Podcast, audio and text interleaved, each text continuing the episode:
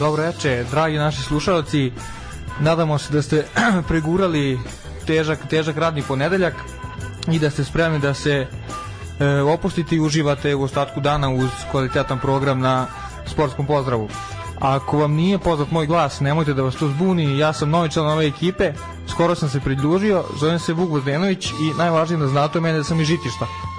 Tako da ništa više neću dužiti i evo danas smo tu Nikola i ja i nadamo se da ćemo uspeti da zamenimo Stanislava, naša člana ekipa koji trenutno nije tu, ali naravno ne brinite, vratit će se Nikola. Kako si za početak da krenemo malo s pričom? Dobro večer, Vuče, hvala na pitanju. Nadam se da si dobro i ti kao što si bio prošli put. Ovaj, iako nisi bio u fokusu zbog eminentnog gosta, ono je stvarno kako si uletao dopunje emisiju, čast, e, slušalci su zadovoljni i za kratak rok sjajno uklapanje, tako da moram da te pohvalim kao i za ovaj uvod, osjećaš se uvek tako i nema šta to već izgleda kao da si, da si tu e, dve godine. Stanislav nam je na službenom putu, vratit će se za nekoliko nedelja, Vuk i ja ćemo se potruditi do tada E, da ga adekvatno zamenimo, evo malo se ovaj tehnološki ovaj, slazimo, shvata, sad shvatamo koliko je Stanislav zapravo važan, jer iskreno do sada nismo. Ali ovaj, nekako to ide prirodnim tokom. E, zanimljivo kolo i za nas, e, za ostale utakmice kupa, interesantni rezultati večitih, večiti derbi u rukometu i interesantan nastup Vojvodine u Evropi, tako da ćemo se potruditi da sve to ispratimo, izanaliziramo onako kako smo navikli. Nekako bih ja krenuo vuče od, od kupa, ozirno da. to da su bilo prva dešavanja na taj način. Ništa, ukratko, nećemo naravno predstavljati sva kola koja su odigrane, jer trebalo bi mnogo vremena, ali okrenut ćemo se osvrnuti na tri rezultata koja su bila u, u ovih dana, da kažemo, sve utakmice odigrane su 15. marta. Radnički Sremski Mitrovice je izgubio, rećemo, očekivano od Crvene zvezde.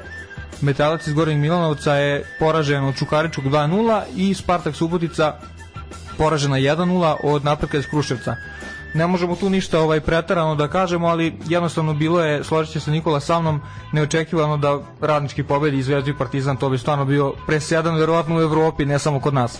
Pa da, to bi bio prvi put nešto tako još od onog Cardiffa 2008 u Engleskoj, kada su izbacivali favorite i na kraju iskubili finale od Portsmuta odnosno Cardiff i Barnes su to tada činili, na kraju su Cardiff i Portsmouth igrali finale i Portsmouth je tada tada slavio. Radnički kad je poveo, neki ljudi su već krenuli pišu poruke, evo ga Nedimović iz Mitrovice, postao apsolutni futbalski šef, rekao sam polako, ne, ne mogu oni fizički taj Naravno. tempo i i bio sam upravo, ali pazi, dok su imali snage dobra predstava radničku. Znaš, ovaj, eto, drago mi da se u Mitrovici igra solidno kvalitetan futbal.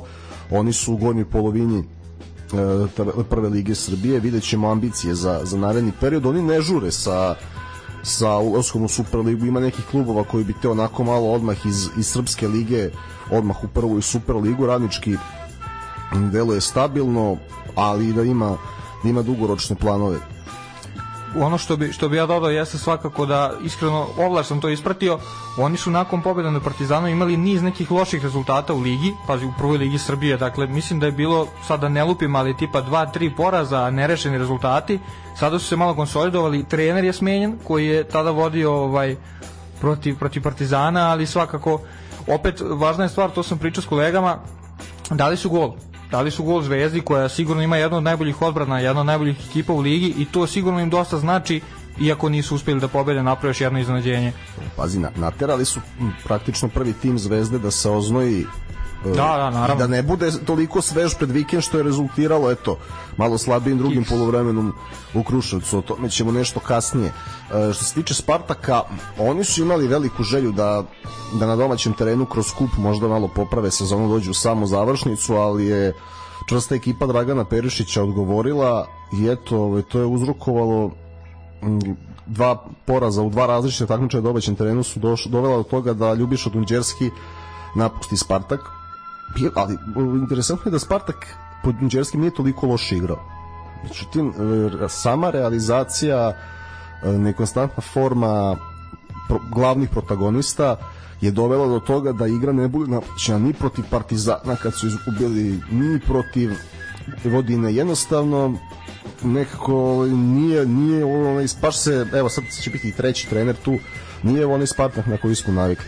Mislim da će ipak da, da ostanu u ligi, ali da mislim da ne, moraju da nađu način da svoje najbolje igrače češće dovedu u adekvatne šanse.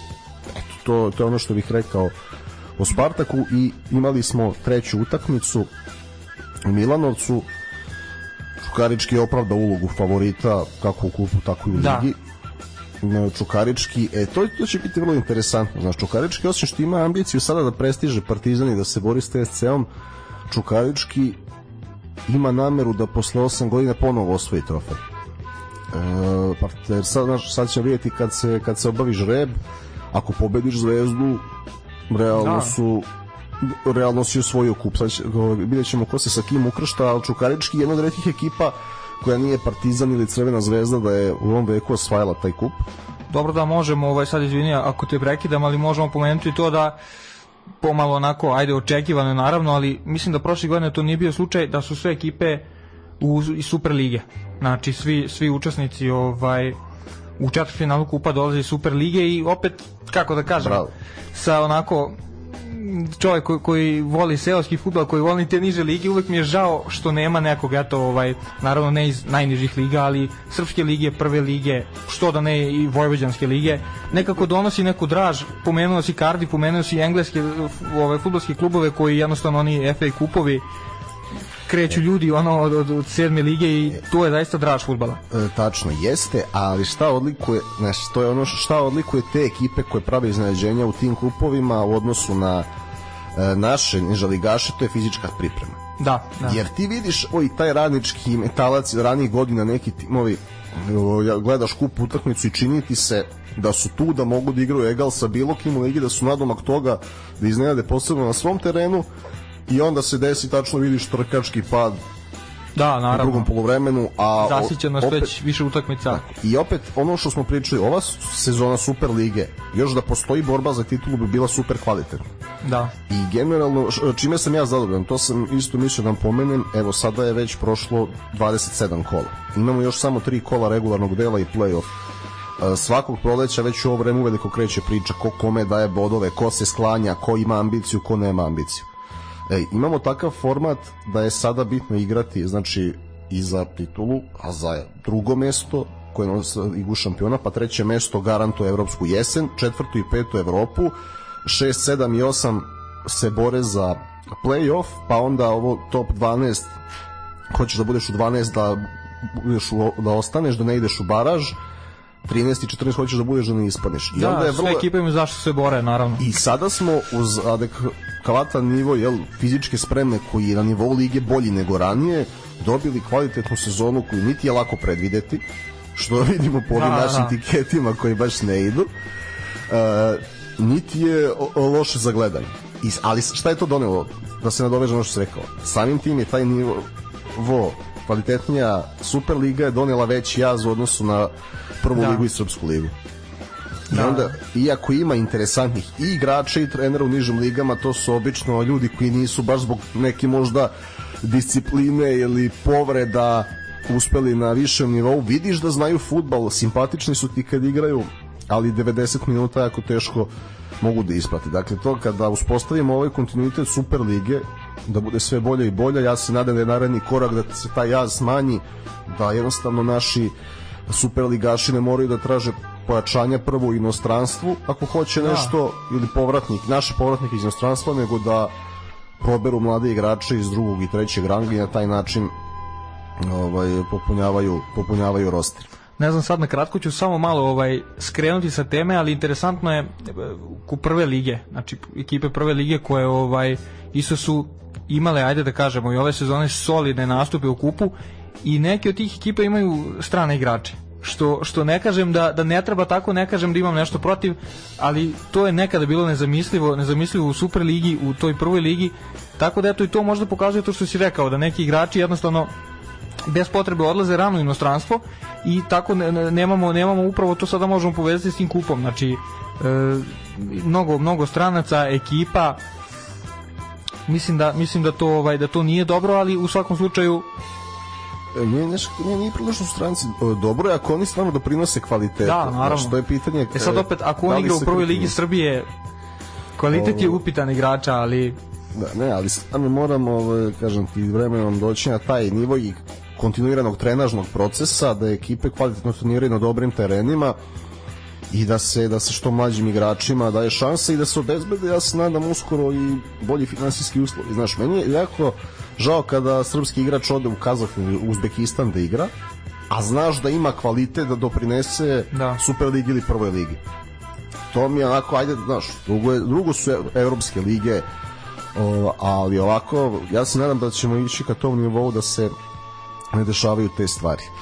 Tako da to je to što se tiče runde kupa. Čekamo žreb za četvrt finale. Ja očekujem zaista četiri odlične utakmice. Koji god da su parovi, očekujem da bude na nož, jer niko ne želi da, da ide u penale ako ne mora. Kao što si ti već rekao ovaj, za Zvezdu, da je ajde donekle već titula, ne titula rešena, ali jednostavno jasno je, jasno je ko će biti prvak.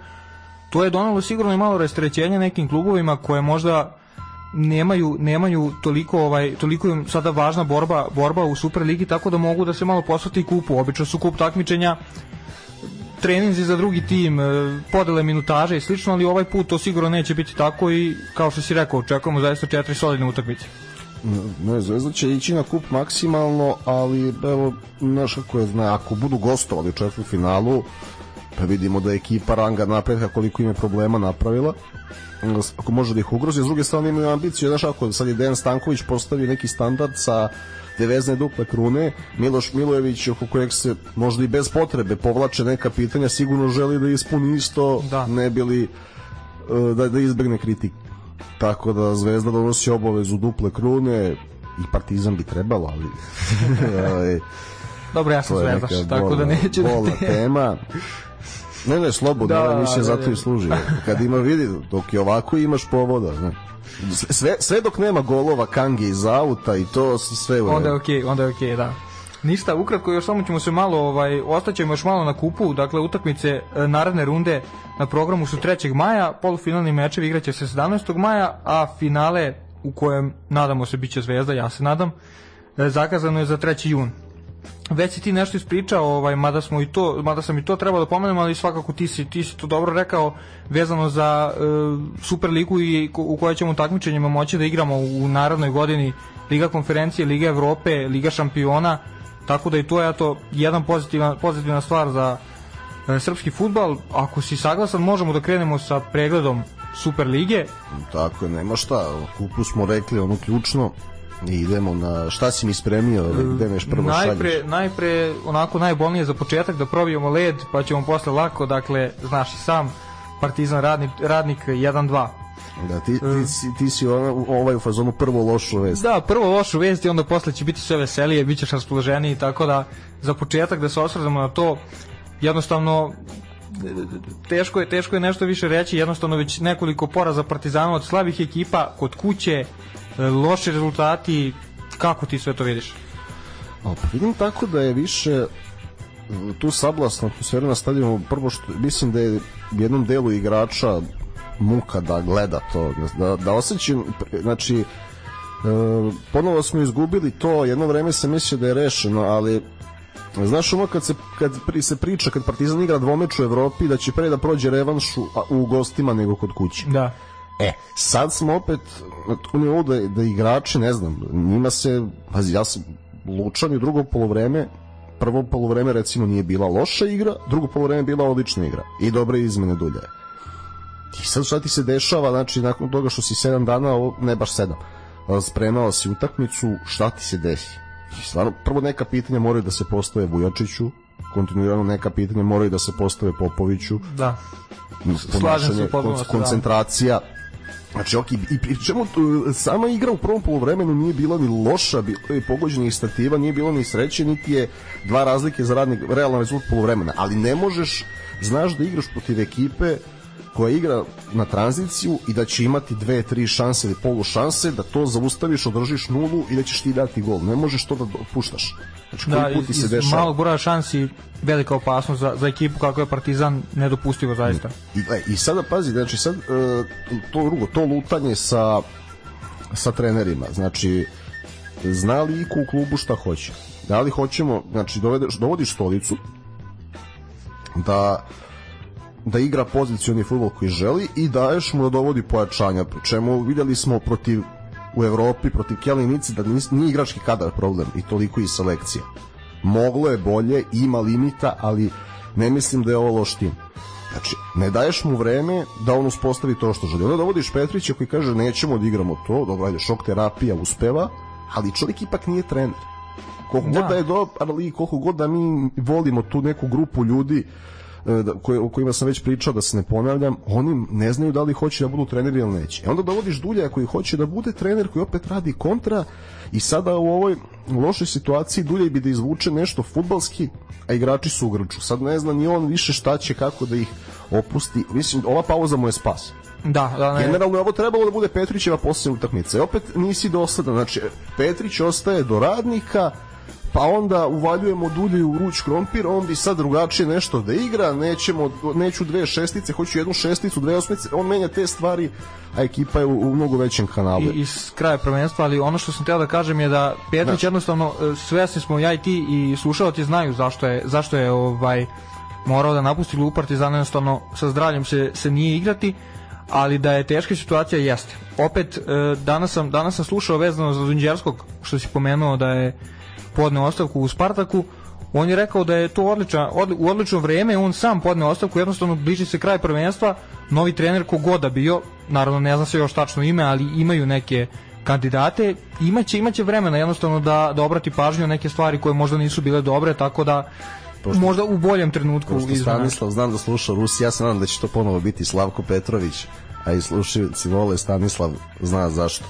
Ne, ovo je stvarno teška pozicija za Duljaja, stvarno o Igoru Duljeju kao osobi mislim da ne može niko reći da, da kaže profesionalcu E sad, njemu je nuđeno i letos bio jedna od opcija da to prihvati. Šta, je, šta se desilo da on sada pristane?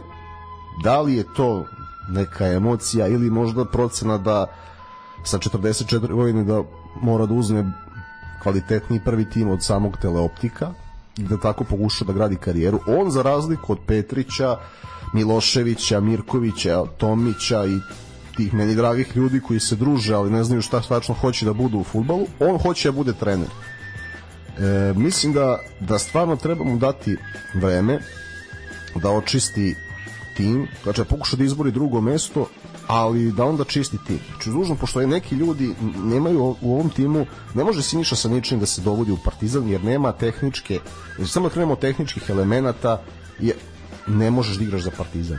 Ne može Vujačić, iako je zbog nekih drugih stvari da. simpatičan momak, ne može. Znači, Partizan ima obavezu da gradi napad iz zadnje linije. Samim tim, od svih defanzivaca samo mladi prekinuš se na kratko golman u golmanu ne treba isto da pričamo jednostavno pa, ne ali ali pazi pričaš o čoveku koji te vadio u Kelnu koji je čuda znači šta šta je sa njegovom koncentracijom Znači, kao da igrači više ne žele da igraju za nekog. Da li je to za trenera, da li, da li između da. sebe ne žele da se gledaju zajedno, da li ne žele da igraju za upravu, ja ne znam šta je.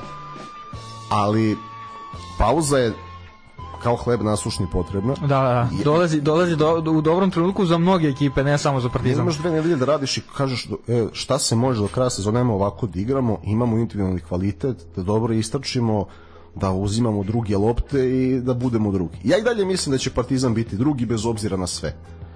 Ali e, to ta apatija oko kluba, to znači da se da kažeš ok, ne idu rezultati, ali ne znam, razvijamo mladinsku školu ili smo uložili u stadion, u, ne, ništa. Da, Tajac. Uh, složit ću se s tobom u potpunosti ono ono što ću reći što nije ovaj nije slika samo naše lige nego mnogih drugih liga jednostavno da se treneru šansa, da mu se novac, mada kod nas to nije situacija u, u većini naših klubova, ali da mu se dakle, uvali se da bude, da tako kažem, dođe odjednom iz neba pa u rebra, dođe u, u klub, dobije, ne znam, određeni, određeni novac, dobije ovo ono, ali nakon tri loše rezultata već se traži novo rešenje. To ne vodi ničemu, imamo milion primjera loših, imamo milion primjera da je trener nakon loših rezultata ostao i napravio, ispisao istoriju, meni sad prvi kao navijaču Uniteda pada na pamet Ferguson koji je imao loše rezultate prve tri godine u Unitedu, a zatim znamo svi šta je uradio. Tako da slažem se upravo to za, za Duljaja jednostavno uvaljeno vruć krompir, vruć krompir treba da dobije šansu novac koliko god, koliko god može da ga dobije, da dobije godinu, dve, tri, najmanje. Jednostavno, drugačije ne vidim ne vidim neko rešenje za za ovu situaciju. I, i on je rekao dobru stvar. Uh, kaže nije to sad bitno, jednostavno kaže rad živimo u zemlju u kojoj treneri ne trebaju drugo. Danas sam tu ja, sutra će biti neko drugi. Šta sad kaže, ja dovodim igrače, pa dođe neko drugi, te iste moje igrače skloni dovodi svoje. Ne, mora da se odredi šta je profil igrača za Partizan.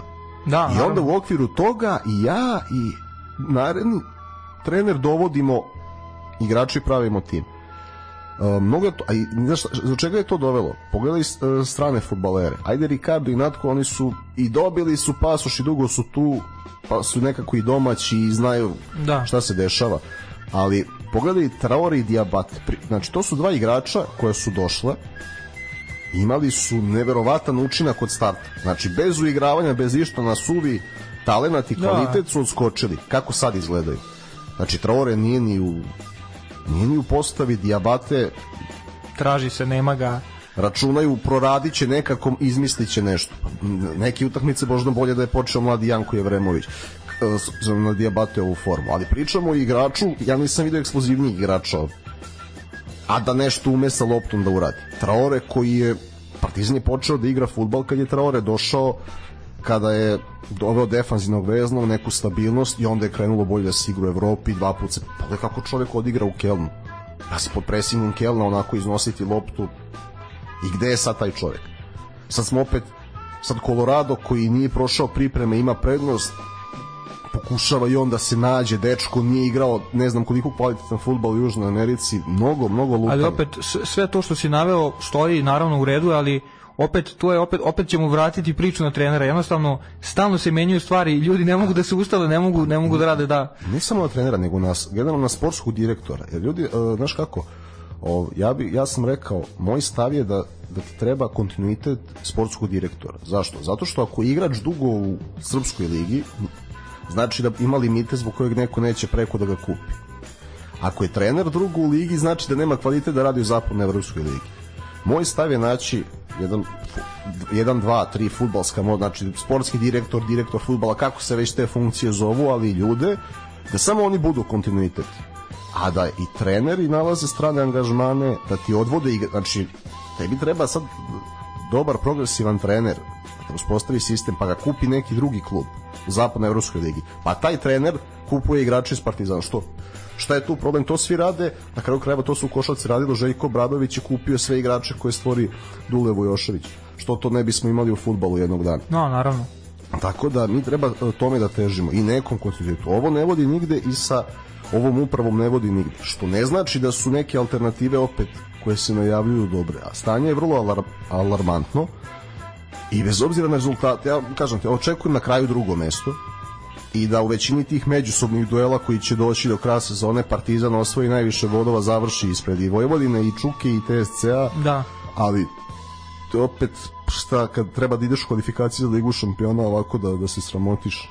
Ne, znači neki znači i nije to samo da promeniš ni igrača ni trenera i upravu. Neko mora stvarno da krene, aha, čekaj, mi smo Partizan, funkcionišemo ovako i ovako u tom i tom okviru, jer je samo to put do uspeha. Da, jednostavno da se krene da se krene od nule, da se napravi jedan restart i krene ništa, ajde da, da ne širimo ne, tužnu pa, priču. Pa, ne, mora, eto, ne, mora da pohvalim radnik. Ovaj, rekli, rekao sam da očekujem kvalitetnije proleće, nisam očekivao da pobeđuju Partizan, ali zaslužena pobeda. Koji ih je digla sad na tabele? Sada su, mislim, pretposlednji su, ali da. Pa da, fenomenal Ranđelović koji ih je, znači, kad su najgore igrali i to malo bodova što su svojili na jeseni zbog njega, E sada kada neko napred igra, recimo on sada prvo je pretvarao neke možda poraze u nerešene rezultate na jesen, sada pretvara nerešene rezultate u pobede. E, golman koji zaslužuje transfer, zaslužuje i kvalitetni klub od radnika, ali ako ostanu u ligi, to će biti zbog njega. Da. Pa pomenuli smo to dok smo dok smo pričali pre emisije, odbranio je Natku penal. To to dokazano je u, u ligi da to ne može svako. I prekidemo tu seriju koju je upravo Stanislav pominjao u prošloj emisiji.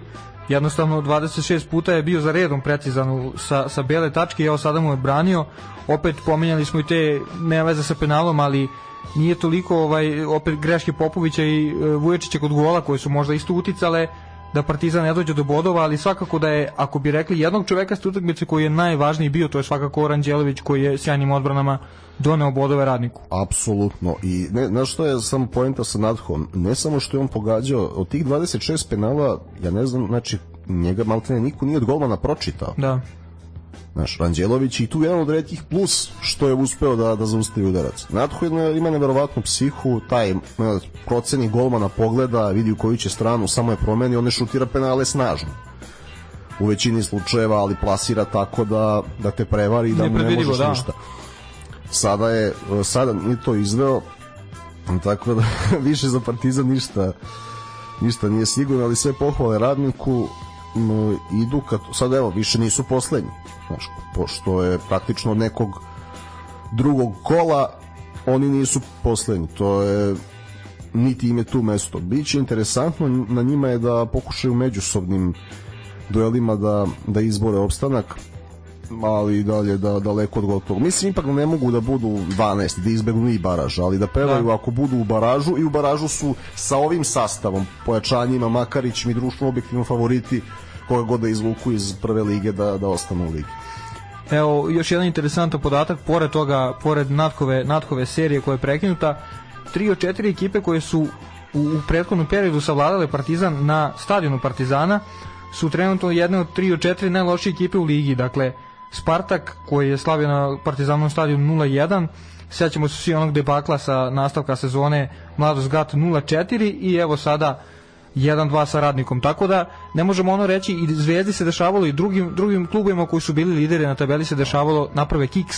Jedan, možda dva, ali ovo je već sigurno da nije nije samo do trenutka jednostavno potvrđuje samo našu priču da, da nešto neštima. Pazi, Zvezda ima bolji tim, ali nema toliko bolji tim da ima 19 bodova prednost. Da, slažem. Niti je to pokazala u oba večita derbija. Prvo što je Partizan da kažeš dve trećine prvog derbija bio bolji iako je završeno nerešeno, a drugo što je u drugom poluvremenu derbija koji je izgubio mogao komotno da izjednači po prikazanoj igri. I on je tu, znaš, to je već samo puzdanje igrača, aktuelna forma, završni pas, milimetar dva kako lopta ide, ali e, nije Partizan pokazao da je toliko inferior, nije bilo dva puta 3-0 Znači, da, nije to, pričamo o pristupu ovde, o tom opuštanju i o nekim veoma čudnim dešavanjima i znaš, stalno, stalno nekad zija neke Uh, znaš, to, jasno je da ovu upravu više niko ne podržava.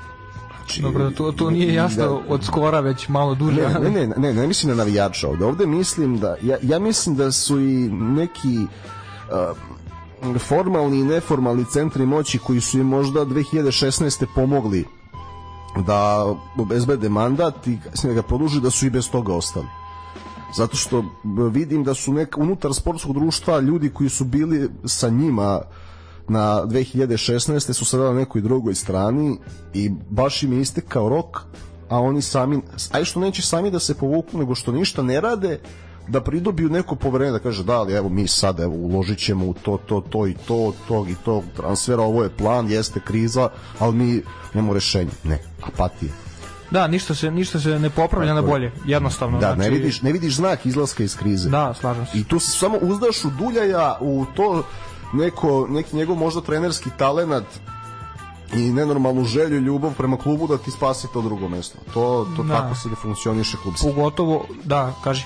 Ne, ne, to sam reci pa da idemo dalje. rekao, rekao, pogotovo, ajde, evo još poslednja rečenica vezana za ovo, pogotovo ne sme, ne sme e, pa, klub kakav je Partizan da dozvoli sebi ovakve igre kada imamo jak Čukarički, sasvim solidnu Vojvodinu i TSC koji bez problema napada to drugo mesto i kao što je rekao trener Lazetić, oduševio sam se tom kratkom izjavom, rekao je kada su ga pitali e, utakmica ovo kola rekao je mi ne, ne želimo drugo mesto, želimo prvo. Da li, da li ćemo uspeti, to, uspeti jednostavno to sad ne zavisi od nas i naravno svesta da i čovek bodovne razlike, ali to je, to je, to je, pravi, to je pravi stav. I upravo zbog toga rekao si ti naravno da želiš i veruješ da će Partizan biti drugi, ali siguran sam da i TSC ima ima ozbiljne ambicije i da sigurno može može i onda završi na, na drugoj poziciji. Može i moje znači evo preporuka generalno kao kao ljubitelj sporta da da odemo svi nad pošto je sad gledam nekako je realnije da da TSC bude drugi kad se završi regularni deo, ako bude drugi biće domaćin protiv Partizana u Topoli i topla preporuka evo da ako bude ta da. utakmica tamo da da odemo svi biće biće spektakl. Završio bih s tim, idemo dalje. Ništa, idemo, idemo dalje. dalje. idemo dalje, ali ništa srećnije Mil... teme, ništa srećnije teme. Vazura, idi sam i to je to. Ovaj, e,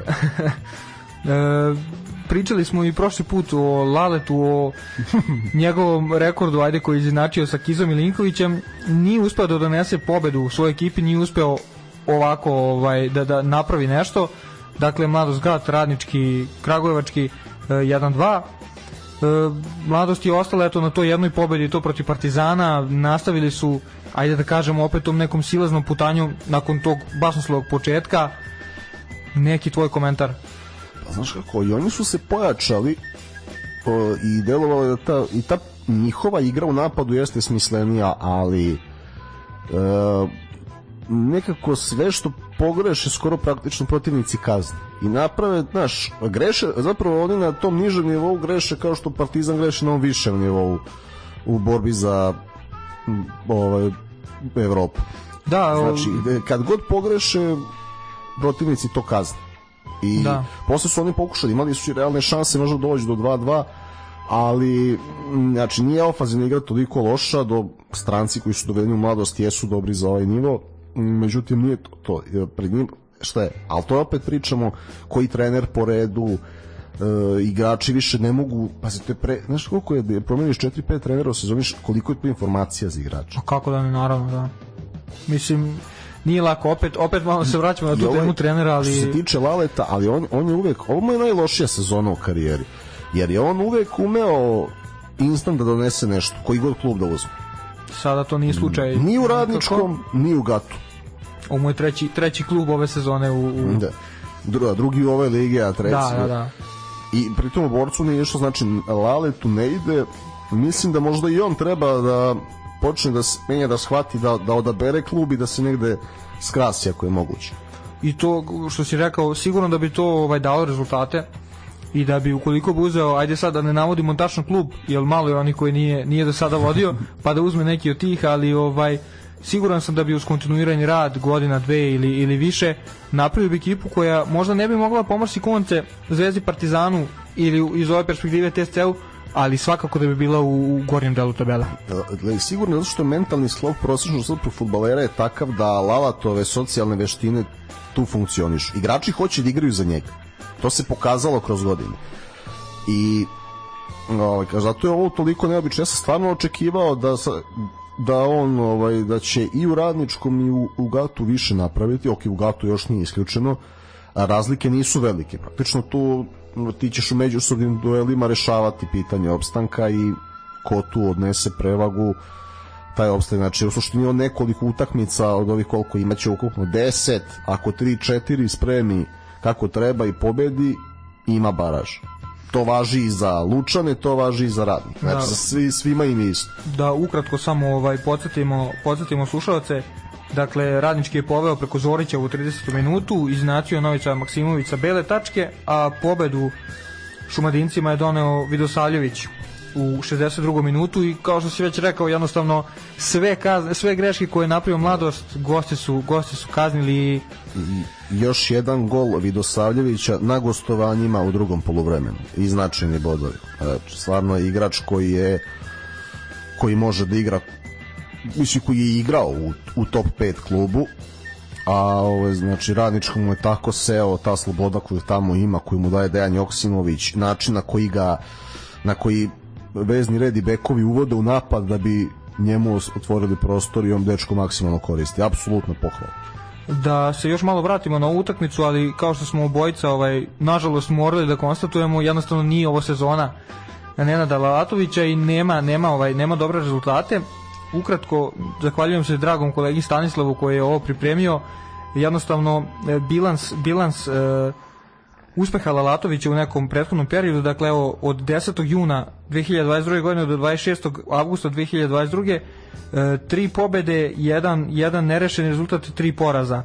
Zatim su ti rezultati krenuli da budu sve loši i loši i kada ukupno saberemo e, sve 23 utakmice koliko ima ove sezone, kao što si rekao, u tri kluba, dolazimo do toga da je imao šest pobeda, šest poraza, e, šest pobeda, šest nerešenih i čak 11 poraza, što svakako nije navikao da ima u karijeri i malo je, malo je začuđujuće, ali ja to kao što smo rekli, nema sezonu, nema konstantnost i svakako da bi da bi trebalo nešto da menja možda možda u radu. Pa i samom načinu igre, znaš. E, dosta ekipa mu je igralo slično, nije prolazio. Prvo, znači malo je pročitan i fudbalski.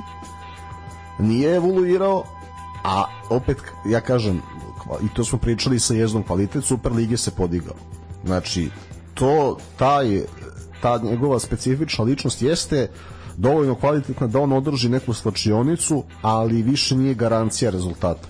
I morat će onda, evo, pazi, možda mu je to što se desilo sa Šarcem, sa kojim dugo radi dobro, da promeni stručni štab, da nađe neke e, mlađe, inovativnije ljude, a da on sa igračima to kako ume, ovaj, da bude da bude nešto kao ovaj sad mi je pao na pamet kao muta u reprezentaciji. Da pa više bude ovaj da više nekim duhom raspoloženjem tom da tako kažemo ovaj društvenom inteligencijom prinese ekipi, a ne samo ovaj dobro trenerskim umećem. Dobro si to uporedio, sad se podsjetio Mute, je imao, te, znaš, da napravi jak domaći teren, trenirao radnički hemofarm ili nekog trećeg, da navuče pritisak na sebe, da da specifičnu izjavu, e, da jednostavno, znaš, da protivnički navijači zvižde njemu, a ne njegovim igračima, da se na njemu istroše, da su igrači rasterećeni. ima, ima, ima ovaj Lalatović kao i Muta tu jednu šmekersku nit, šmekersku pa dozu ne, ne ličnosti. Ne nazvao šmekerski, ali... Dobro da, opet, nije, nije ovaj... ali prolazi. Nisu oni toliko slični. Ali, ali u tom nekom, u tom nekom razumeo se, naravno, nadam se i razumeće i slušalci, ima neku žicu koja nije samo striktno poslovna, dakle samo stručnjak je u svom sportu, jednostavno ume sa ljudima, ume sa igračima, kao što si rekao, igrači vole da igraju za njega, tako isto i za Mutu. Sad si me podsjetio, baš sam, baš sam ovaj, poslao mi je drugar, ovaj, bio neki tweet o, o Muti, kaže, ovaj, zove Muta pre neku godinu Željka Obradovića dok je bio u inostranstvu i kaže, Željko, molim te, možda mi pozajmiš 100.000 da rešim neke dugove. Kažu, 100.000 čega mutu? Ma nije bitno čega sam pušao. da, u tom fazonu je Lalat. Mislim, tu, tu da, tu da. To, to je taj mentalni sklop. Ništa, ako se slažeš, možemo da nastavimo dalje sa pregledom. Sledeći meč, Novi Pazar Kolubara 0-1, E, to nisam očekivao. Onako malo, ajde, ajde sa strane, ja koji nisam toliko, ne pratim toliko našu domaću ligu, iznenađenje u svakom slučaju. Naravno, Novi Pazar je pokazao, igramo u prvom delu sezone u nastavku, da je ozbiljna ekipa, da može mnogo toga, ali jednostavno je to neočekivano malo poraz, kao što si sam ti rekao, to, to nisi očekivao i verovatno mnogi, mnogi ljubitelji našeg futbala nisu. Nisam, ne zato što Kolubara nema kvalitet, nego zato što nije u nekoj formi. Uh, I Ovaj stvarno Kolubara je zasluženo došlo do vođstva, a ne sa igračem više Novi Pazar nije dovoljno zapretio. Znaš, jer Novi Pazar nije tim koji na domaćem terenu ne stvara šanse, posebno ne protiv desetorice. A ovo sada baš nije ličilo na njih i, paz, i opet je rezultiralo promenom trenera. Da, da, da, naravno i upravo ono što još možemo da kažemo je da je Kolubara u prvom meču sa 1-0 slavila, dakle u prvom delu ove sezone slavila isto protiv Novog Pazara, tako da im očigledno leži ta ekipa da nastavimo odmah to što si rekao, dakle eto da, smenjen je... To Đuranovića da pohvalimo i gol po povratku, želimo mu još takvih, ali evo smenjen je trener da i jedna interesantna ličnost dolazi u, u Novi Pazar. Upravo tako, ono što je važno reći u biografiji Feđe Dudića, dakle igrao je već u Pazaru, zna kako klub diše, što, što kažu ovaj futbalski komentatori, bio je trener Veleža Sarajeva, osvajač kupa sa Veležom, sada je novi trener Novog Pazara. Ajde kaži mi naravno ne možeš ne možeš niste se baš danas čuli vas dvojica pa da ti sad možeš nešto više da kažeš, ali kako ti vidiš ovo da li da li, da li možeš da pretpostaviš šta će Feđa kao trener doneti Pazarcima? E, e, ta, to je sad dobro pitanje. E, prvo, ako iko slučajno iz Pazara ovo sluša, Feđa Dudić ima otvoren poziv da dođe ovde kad hoće to znači da, da pričamo o futbalu, o, generalno o našoj ligi, o bosanskoj ligi, o tome kako je bilo u Veležu, kako u Sarajevu.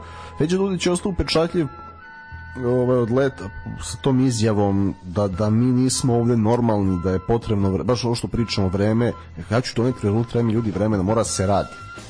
Sve to pitanje, Feđa Dudić je za nivo Lige BiH izuzetno iz, znači nivo iznad što se tiče analitike, pripreme utakmice, profesionalnog pristupa futbalu, ali sve on treba da donese peto mesto instant što se ne uklapa sa njegovim načinom rada kroz karijeru.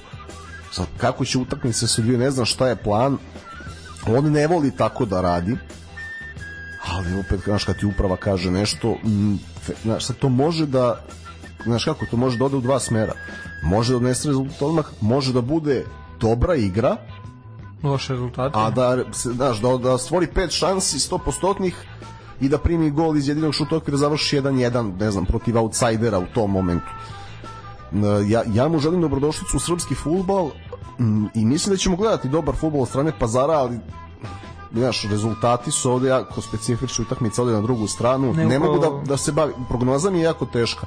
Ja, meni, ono što želim, samo mi je, voleo bih da on ostane tu, da radi pripreme na leto, jer ako sa njim, onda Pazar može da napada Evropu i do godine, čak i da je ove godine Da, naravno. Stvari. I, i ono jer, što ja, je... jer Pazar se bojim da ako sad ne uđe Evropu da je do godine play-out ekipa. S obzirom na način na koji klub funkcioniše. Treba da budu pametni sada i da daju Feđi do kraja sezone, do kraja sledeće sezone da radi da vide gde su. Novca im u odnosu na neke druge klubove ne fali i mogu da dovedu dobra pojačanja kao što vidimo. Pazi, i oni su već sad napravili rezultat koji neko nije očekivao. Da. Znaš, njih su mnogi videli kao play-out ekipu, oni su lagano. Trenutno šest i bore se, bore se da, da plasma bude viši. Lagano u play-off. I mogu da završe peti. Ništa, još onako, ajde, oko toga imali smo, imamo primer Duljaja koji, ajde, iz te emocije e, ajde nećemo reći prevashodno, ali ima sigurno emocije po, po dolasku, po dolasku u Partizan. Isto tako možemo pa, i ovde da se pa, pa, povežemo ko, ko, bi dakle, raci, ko bi iz racionalnih razloga sad došao u Partizan. Na, naravno, a ali oni većina njih u suštini dolazi iz emocije u fazonu zaradio sam u životu, eto, krize u klubu, daj, znaš, sažale se, evo ja ću da pomognem. I onda sebi prave problem. Nažalost, nažalost ima, ima takvih primera, ali ovaj, evo, da se vratimo ovde na Feđu Dudića, kao što sam rekao, igrač, igrao je u Novom pazaru, zna, zna kako klub funkcioniše e, čini mi se ajde onako opet kažem laički sa strane da uzima klub u dobrom trenutku znači opet kraj sezone on sad ne može mislim u, govorim u smislu da ako ukoliko slučajno ne napravi neki loši rezultat ne bi trebao da bude otpušten i neće napustiti klub već verujem da će mu, da će mu upravo dozvoliti da e, ima pripreme da, da tokom jednog dužeg perioda napravi neku ozbiljniju priču. Ali sa druge strane, ovo uopšte nije loš trenutak za klub. Što se, što se sada menja trener? To je ono, Znaš, to je isto nisu, nisu ovo normalne okolnosti. Nadao se da će ova sezona biti malo bolja i tako je delovalo u nekom momentu da bi moglo da bude manje promena trenera, ali eto, od tog nivoa još, još nismo odmakli, pa se nada neko sledećoj da će, da će što više trenera da potroje. A većina trenera u nekom momentu pokaže da, da može da napravi određeni rezultat ništa, ako, ako smo apsolvirali ovaj yes. Novi Pazar, ponovo jedan rezultat rekao bi koji je neočekivan. Ajde, ovaj Vojvodina je odlično krenula kada je Batak došao, to jest imala je dobre rezultate sa Batakom, sada u Javoru 1-1, u Ivanjici 1-1 sa Javorom, jednostavno evo, Javor je na početku drugog dela sezone pobedio Spartak, od tada su upisali četiri remija, uključujući ovaj sa Vojvodinom, Javor je gubio, Petar Gigić, kojeg svakako možemo da pohvalimo, sed, sed, sedmi gol u prvenstvu, izjednačio je i ostavio je bod u Ivanjici svakako važan bod u borbi za, za e, da kažem, bežanje iz te, iz te opasne zone. Ispratio se meč, kako bi, kako bi ti ovaj, mogao ovo da, da prokomentarišeš? Pa opet, znaš, nije, trenera je najlakše promeniti, a evo vidiš, sad menjamo trenera, neke stvari ostaju iste. Znači, bit će da da selekcija i kompaktnost tima nisu da, da je tim neskladan možda sam po sebi. I da je mnogo bitnije da znači moraju da naprave ok, svakako svaki prelazni rok donosi određene promene, ali moraš da napraviš kompaktnu celinu imaš disbalans na krilima i ofanzivnim veznim pa i u špicu u odnosu na defanzivne vezne i štopere. I tu imaš disbalans u kvalitetu tima i se to veoma je upitno kako jedan deo tima igra kako drugi. Tebi, znaš, ti kad kažeš za ovu ligu Čumić, Simić, Taki, Mali, Kabić, Uroš, Nikolić, znaš, to je Zukić. Da. Ali sve što oni urade, Vitas ili neko će da, da anuliraju. Znaš, sad već ni Carević nema toliki kontinuitet odbrana kao Da. u prvom delu sezone i on dobiješ, nije, ja sam tip od 0 do 2, nije, nije mi toliko neočekivano. Ja sam očekivao Remi 0-0 i 0-1, na kraju bilo, opet su uspeli da prime gol. Da. Znači nije ni do rastavca, nije ni do bataka, e, nešto je i dublje i teško se nose sa pritiskom koji je koji je ovaj Zbiljić nametnuo od početka sezone. Znači to je mi smo pričali ovde sa gospodinom Palađijem. Znači oni su na primjer u Topoli rekli top 5, pa vidjet ćemo koji ćemo biti od tih 5. A Zbiljić prvo ili- da izjavu mm, titulu da vratimo u Novi Sad u narednom periodu ili mi smo sigurno treći, a možda i drugi, ne, to je apsolutno kontraproduktivno pod igrači, kako vreme odmiče, njima je sve teže s time da se nose jer znaju šta im je nametnuto. Kad prođu kroz grad, ovde šta im je Naravno, nametnuto, da, da, šta da. navijači očekuju. postavljeni su očigledno ovaj mada to su samo reči predsednika opet nije nije to sad svesni su ljudi ovaj i u klubu sigurno i svesni situacije trenutno i na tabeli sve ali opet što ti kažeš pritisak je to je to je dodatni pritisak koji sigurno nije, nije ovaj nije pozitivan i ne donosi ništa dobro i njima treba pauza i da malo i oni odluče kako će da igraju i kad povedu, znači koji je ovo put da povedu i primaju gol. Znači to je Ivanjica, to su Lučani, Surdulica. Znači, oni bukvalno kada povedu imaju toliki, ne znam, to je neki strah da se ta dva boda ne izgube, a na kraju ih izgube. I bukvalno prozivaju protivnika u 16 metara. Mislim, Gigiću ne treba mnogo. On je sebe kandidovao, sačuvao Javor ili ne u ligi, on je sebe kandidovao za transfer u play-off ekipu. I nekom će, nekom će moći da pomogne. A Vojvodina, kažem ti opet, moraju unutar ovog tima da iskoriste pauzu, da se opredele šta igraju do kraja sezone. I Isto važi za njih i za Partizan. Znači, do kraja sezone igramo to, pa ćemo od leta da vidimo šta ćemo. Ipak im dajem prednost, pazili Kiksni generalno, oni će peti biti na kraju, ali oni su neko ko mora i može više s obzirom na budžet od, pazi, već je to budžet i od Vojvodine i od Čuke, i od TSC i od Čuke, samim tim veća obaveza. Da, naravno. Ajde sad malo da, da pređemo na vedrije teme vezane za, za Vojvodinu. Selektor omladinske reprezentacije Jovan Damjanović, selektor Srbije, naravno, pozvao je trojicu članova Voše na završne ovaj, završni turizam za plasman na evropsko prvenstvo za momke do 19 godina. Pomenuo si te već momke, to su Uroš Kabić, e, Jovan Milošević i Lukija Nabadžija, što je sigurno ajde plus za klub i kao što si rekao, Vojvodina uvek imala, imala to, imaju drugi klubovi, ali imaju ovo upravo sada na terenu u toku ove sezone 2-3 ekstra igrača, ekstra talenta i zaista šteta bi bilo da ne iskoriste to i ne budu ajde evo ja ću, ja ću malo i onako pretencijozno reći u prve tri ekipe što biće veoma Nije- teško nije preten- ali, ali opet ako pogledamo koji tim imaju rekao si budžet kojim raspolažu to je to je to treba da bude najmanji cilj I pazi, i pored svega, ti pogledaj ti posle tu na Vojvodina Čukarički za naše uslove. Oni ne gube podršku svoje publike. Mogu ljudi da pričaju šta hoće sada ovaj, o novosadskoj publici, ovakav mentalitet, ovakvi, onakvi, koliko god bili nekad teški, oni su tu. Znači, ove godine verniji od partizanove publike. I zato i, i ti navijači zaslužuju, to zaslužuju, ne samo što zaslužuju Evropu, nego zaslužuju rezultat u toj Evropi. Kad dođe liga, posebno liga konferencija, ne verujem da će biti u top 3 da igra Ligu Evrope, ali Liga konferencije ove godine, iz ovaj prelazni rok, Vojvodina je ta koja i istorijski ume da izbaci jače klubove od sebe i nemoj, što, što da mi ako već imamo priliku, što da mi stanemo na ta tri kluba koji igraju jesen?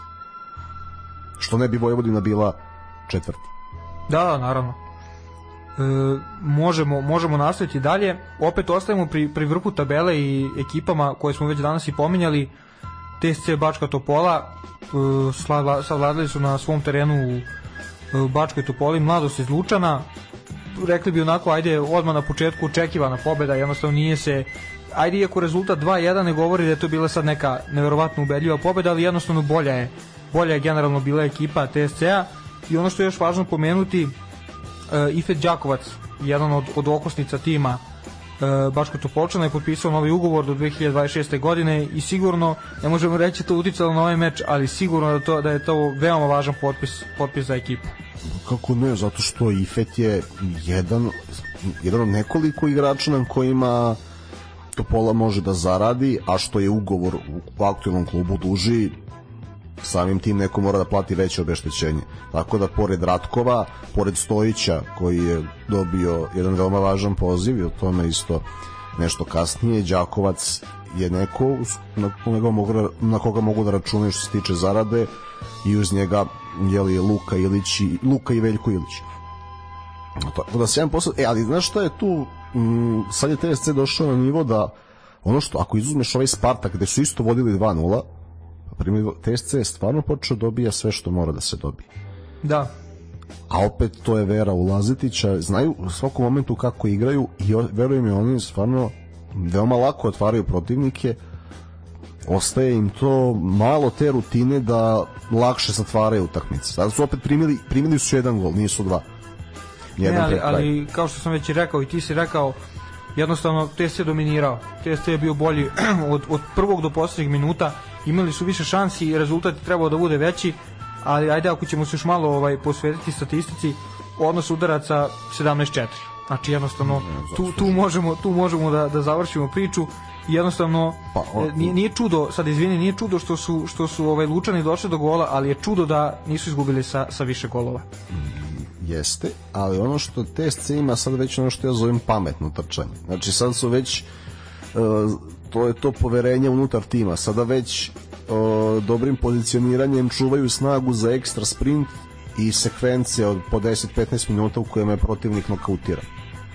Izuz, izuzetan tim za ovaj nivo i ne, stvarno će Partizanu iako mislim da će uspeti, e, bit će nevjerovatno teško i to je dobro dobro je ovakav test i Čukarički da ih nateraju da nešto rade tamo u tom Da, tom to, to smo već i pomenuli, stvarno Partizan, jednostavno navikli smo Zvezda i Partizan prvi drugi, prvi drugi, Jedan. Vojvodina ponekad napravi nešto, ali sada stvarno je, da, kvalitetnija liga, TSC su mešao da, i... TSC nije ovakav, bi se još opustio klub, možda bi bili uh, sigurno drugi, pa tek ne bi ništa ni radili, ok, drugi smo, pa smo drugi. Ne, ovo je, tako da je ovo dobro fenomenalno, stvarno nema šta se pohvale Ratku i Saši Jovanoviću, kako se njih dvojica razumeju, vreme odlično, onako to je uvek je lepa priča, znaš, jedan onako stari Vuk i mladi Lav koji, koji gaze u, u ligi ovaj, sa, s, treba da, znaš kako, Saša sad već u godinama gde možda i ne mora ponovo da ide u stranstvo, TSC treba da ga zadrži ako treba i pojača ugovor, a s druge strane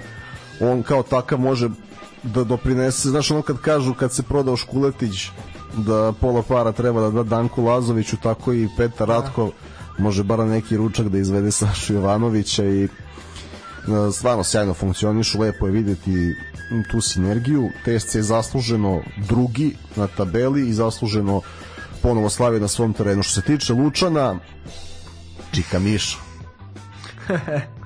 Dovoljno reći Milorad Kosanović. Pa ne, ma legenda, pazi, jedva ček, ali samo molim Boga, znači da ovaj, pošto u zavisnosti od plasmana se određuju domaćinstva u play-offu i play-outu. Da se nameste plasmani tako da Gat Lučani bude u Novom Sadu, da idemo da gledamo, a ne u, u Lučani.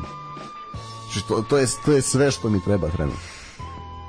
Tako da, eto, Čika Miša će pokušati da sačuva mladost, dobro je da imaju daminiciju da opstanu, Žunić je radio šta je mogao, a opet za, za njih dugoročno to nije loše jer su promenili malo način funkcionisanja, etablirali su određeni broj mladih igrača i sad treba opstati u ligi da se to nastavi.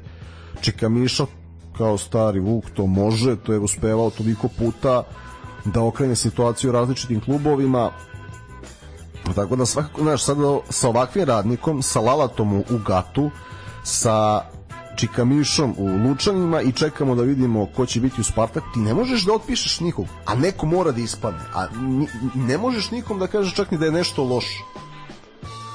Prosto neko mora i, znaš, uvek smo imali ono obično svake godine bude neki klub pa nekad i dva, tri kaže daj da otpadnu da ih ne gledamo mislim ne znam ono je nego Dinamo Vranje sa Reckom i to neko ko od udara kvalitetom, sad stvarno nije tako. Sad kad se radnik vratio u život. Možemo se malo još usvrnuti na TSC i izjavu trenera Žarka Lazetića, koji je eto skoro, ajde sad objektivno gledano skoro je produžio ugovor do 2025. jednostavno dobri rezultati u klubu su mu doneli novi ugovor on je rekao jednostavno da nisu mu jasni ovi ovi konstantni konstantne ostavke, konstantne otkazi e, koje klubovi daju daju trenerima koji nekad čak i nisu toliko jednostavno ajde ako ćemo govoriti e, Petrić ja sam primer problemi, problemi sa zdravljem. Ne znam, imamo primer sa Lalatom ili, ili sa Dunđerskim, serije loših rezultata, nemoć da se nešto promeni u klubu i slično, ali imamo i neke bezveze primere koji jednostavno kao, kao da trener kao da mora da se menja trener na dva meseca pa kao e ti si bio idemo ne. u narodnom i ne, na stranu što je... gotivim Feđu Dudića što bi neko odlazio ako je šesti s Novim Pazarom to, to je neshvatljivo. Da, ali opet opet e, Lazetić je pomenuo to da se nada da će FSS koji evo nadamo se sada će moći da krene dalje sa, sa normalnim radom nakon nakon što su dobili što je fudbalski klub fudbalski savez Srbije dobio novog novog predsednika e, da mogu da se pozabave tim problemom da jednostavno malo utiču na klubove, utiču na, na stručnjake da, da ne idu tako lako iz kluba, da jednostavno se uspostavi neka veza da opet nisam, nisam mator, ali mnogo sam slušao i pratio. Prišli su mi ljudi koji su bili u futbalu u, u nekom, nekim davnim vremenima, jednostavno trener je dobio po 5, 6 godina, 10 godina i uprko s rosnim rezultatima, ako je klub video da on postiže nešto, da ima nešto u toj igri. I mislim da, ajde sad opet, ne možemo da poredimo, pravimo paralelu futbala u Srbiji 70-ih i sada, e, sada 2023. godine konkretno, ali svakako da e, igračima treba dati više šanse, trenerima treba dati više šanse, jednostavno ne mogu ljudi da urade ništa u, u tri utakmice sa ekipom koju nisu oni selektovali i to je problem koji mora da se reši, da li će FSS uspjeti da ga reši, ne znam, ne verujem, ali, ali iskreno to je, to je malo širi problem. Ne, znači, ne, ne, ne može to FSS, to mora jednostavno da rukovodstva moraju da počnu da razmišljaju na drugačiji način, da, da ok, ti si predsednik kluba, ako želiš tom klubu dobro, angaži neke druge ljude, piti, pogledaj, ne, znači, ne pričamo to sad, ne znam, o što ti kažeš, United dao Fergusonu 7 godina, u sedmoj sezoni je osvojio prvu titulu, pa i Klopp je osvojio u petoj. Ali e, ne moramo da imamo toliko daleko na taj nivo s tolikim učetima. Biđi malo, znači, lige obiđi načine funkcionisanja klubova, evo, Beč nije daleko, svi puti u Beču, Pandorf da kupuju, ne. pa ajde da vidimo što da. oni rade u futbalu i kako ovaj, funkcionišu tamo, znači, prosto, ne znam, odigraš i, i kad, ne znam, utakmica kad je vodiš 2-0 pa se završi 2-2, nikom tamo ne lete glave, ok, sešćemo, analizirat ćemo. Tako da ne može, ne može tu Savez. Savez može da utiče na to, možda da neki drugi ljudi dođu da vode te klubove. Da, ali znaš, da izraze za, ali ne može, znači... Ne, naravno, naravno, ne možemo reći da su im ruke vezane, ali nemaju tu, nemaju puno moće da, da tu nešto promene, ali mislim da bi sad ovako mogli još jedno sat vremena da pričamo kako jednostavno ne može čovek koji nema nema svoje igrače nema dovoljno vremena, ne može, ne može ništa da napravi. I opet ne, je ono... Teoriji može, mislim, nekad klikneš, se, znaš, možda je, možda, možda je neko selektirao ekipu iz koje ti možeš nešto sa onim futbalom koji igraš, pa da to samo po sebi legne, ali to, to je stvar lutrije nekad. Znaš, a opet imaš negde da ti ništa ne odgovara, da ti moraš da menjaš svoj stil, da se prilagodiš igračima koje imaš, da misliš o rezultatu da igra ipak liči na nešto i da se nadaš da ćeš da dobaciš do leta da bi ti radio prelazni rok. To je ljudi pakao. Te, teško svima, teško igračima, teško treneru. Ajde evo da nastavimo dalje. Nova utakmica, nova smena trenera. Spartak Radnički Niš 0-1 u, da kako kažemo, direktnom duelu timova koji se bore za opstanak u ligi. Nišlije su odnale ceo plen i Subotice, napravile važan korak ka, ka tom bežanju od, od opasne zone prvi triumf radničkog posle šest vezanih utakmica, sada su, sada su iznad te zone baraza za opstanak. Jednostavno, Subotica, evo, to je, ovaj, to je rezultovalo tome da trener e, Dunđerski podnese ostavku. Opet tu je sad tu je sad priča ovaj da nije samo da jednostavno on shvatio ne da se zasitio nego da je shvatio da ne može on trenutno ništa više da doprinese klubu. E, iskreno primetio sam da klub nije, nije bilo nikakvih, da kažem, peckanja u medijima i slično, jednostavno dogovorili su se očigledno pre, pre samog njegovog izlaska pred medije, da, jednostavno...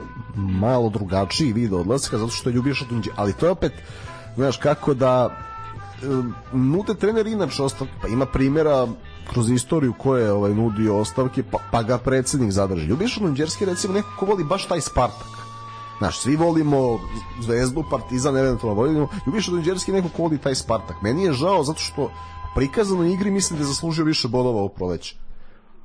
Ali, znaš, futbal je, futbal je surov, ne samo ovde, Tako da kogod da bude trener, on mora znači da dva, tri najbolje igrača dovodi kontinuirano u šanse. Kako će, koji je to koncept, kako će da razvije igru, ne znam. Više Donđerski je hteo malo više poseda, posebno na domaćem terenu. Iako nije loše zelo, možda to ovom timu ne odgovara u ovom trenutku. Znaš, možda bi odgovaralo posle priprema. Da je ostao. Da, opet možemo, šta bi bilo kad bi se, bilo... Tako se vrtimo u krug.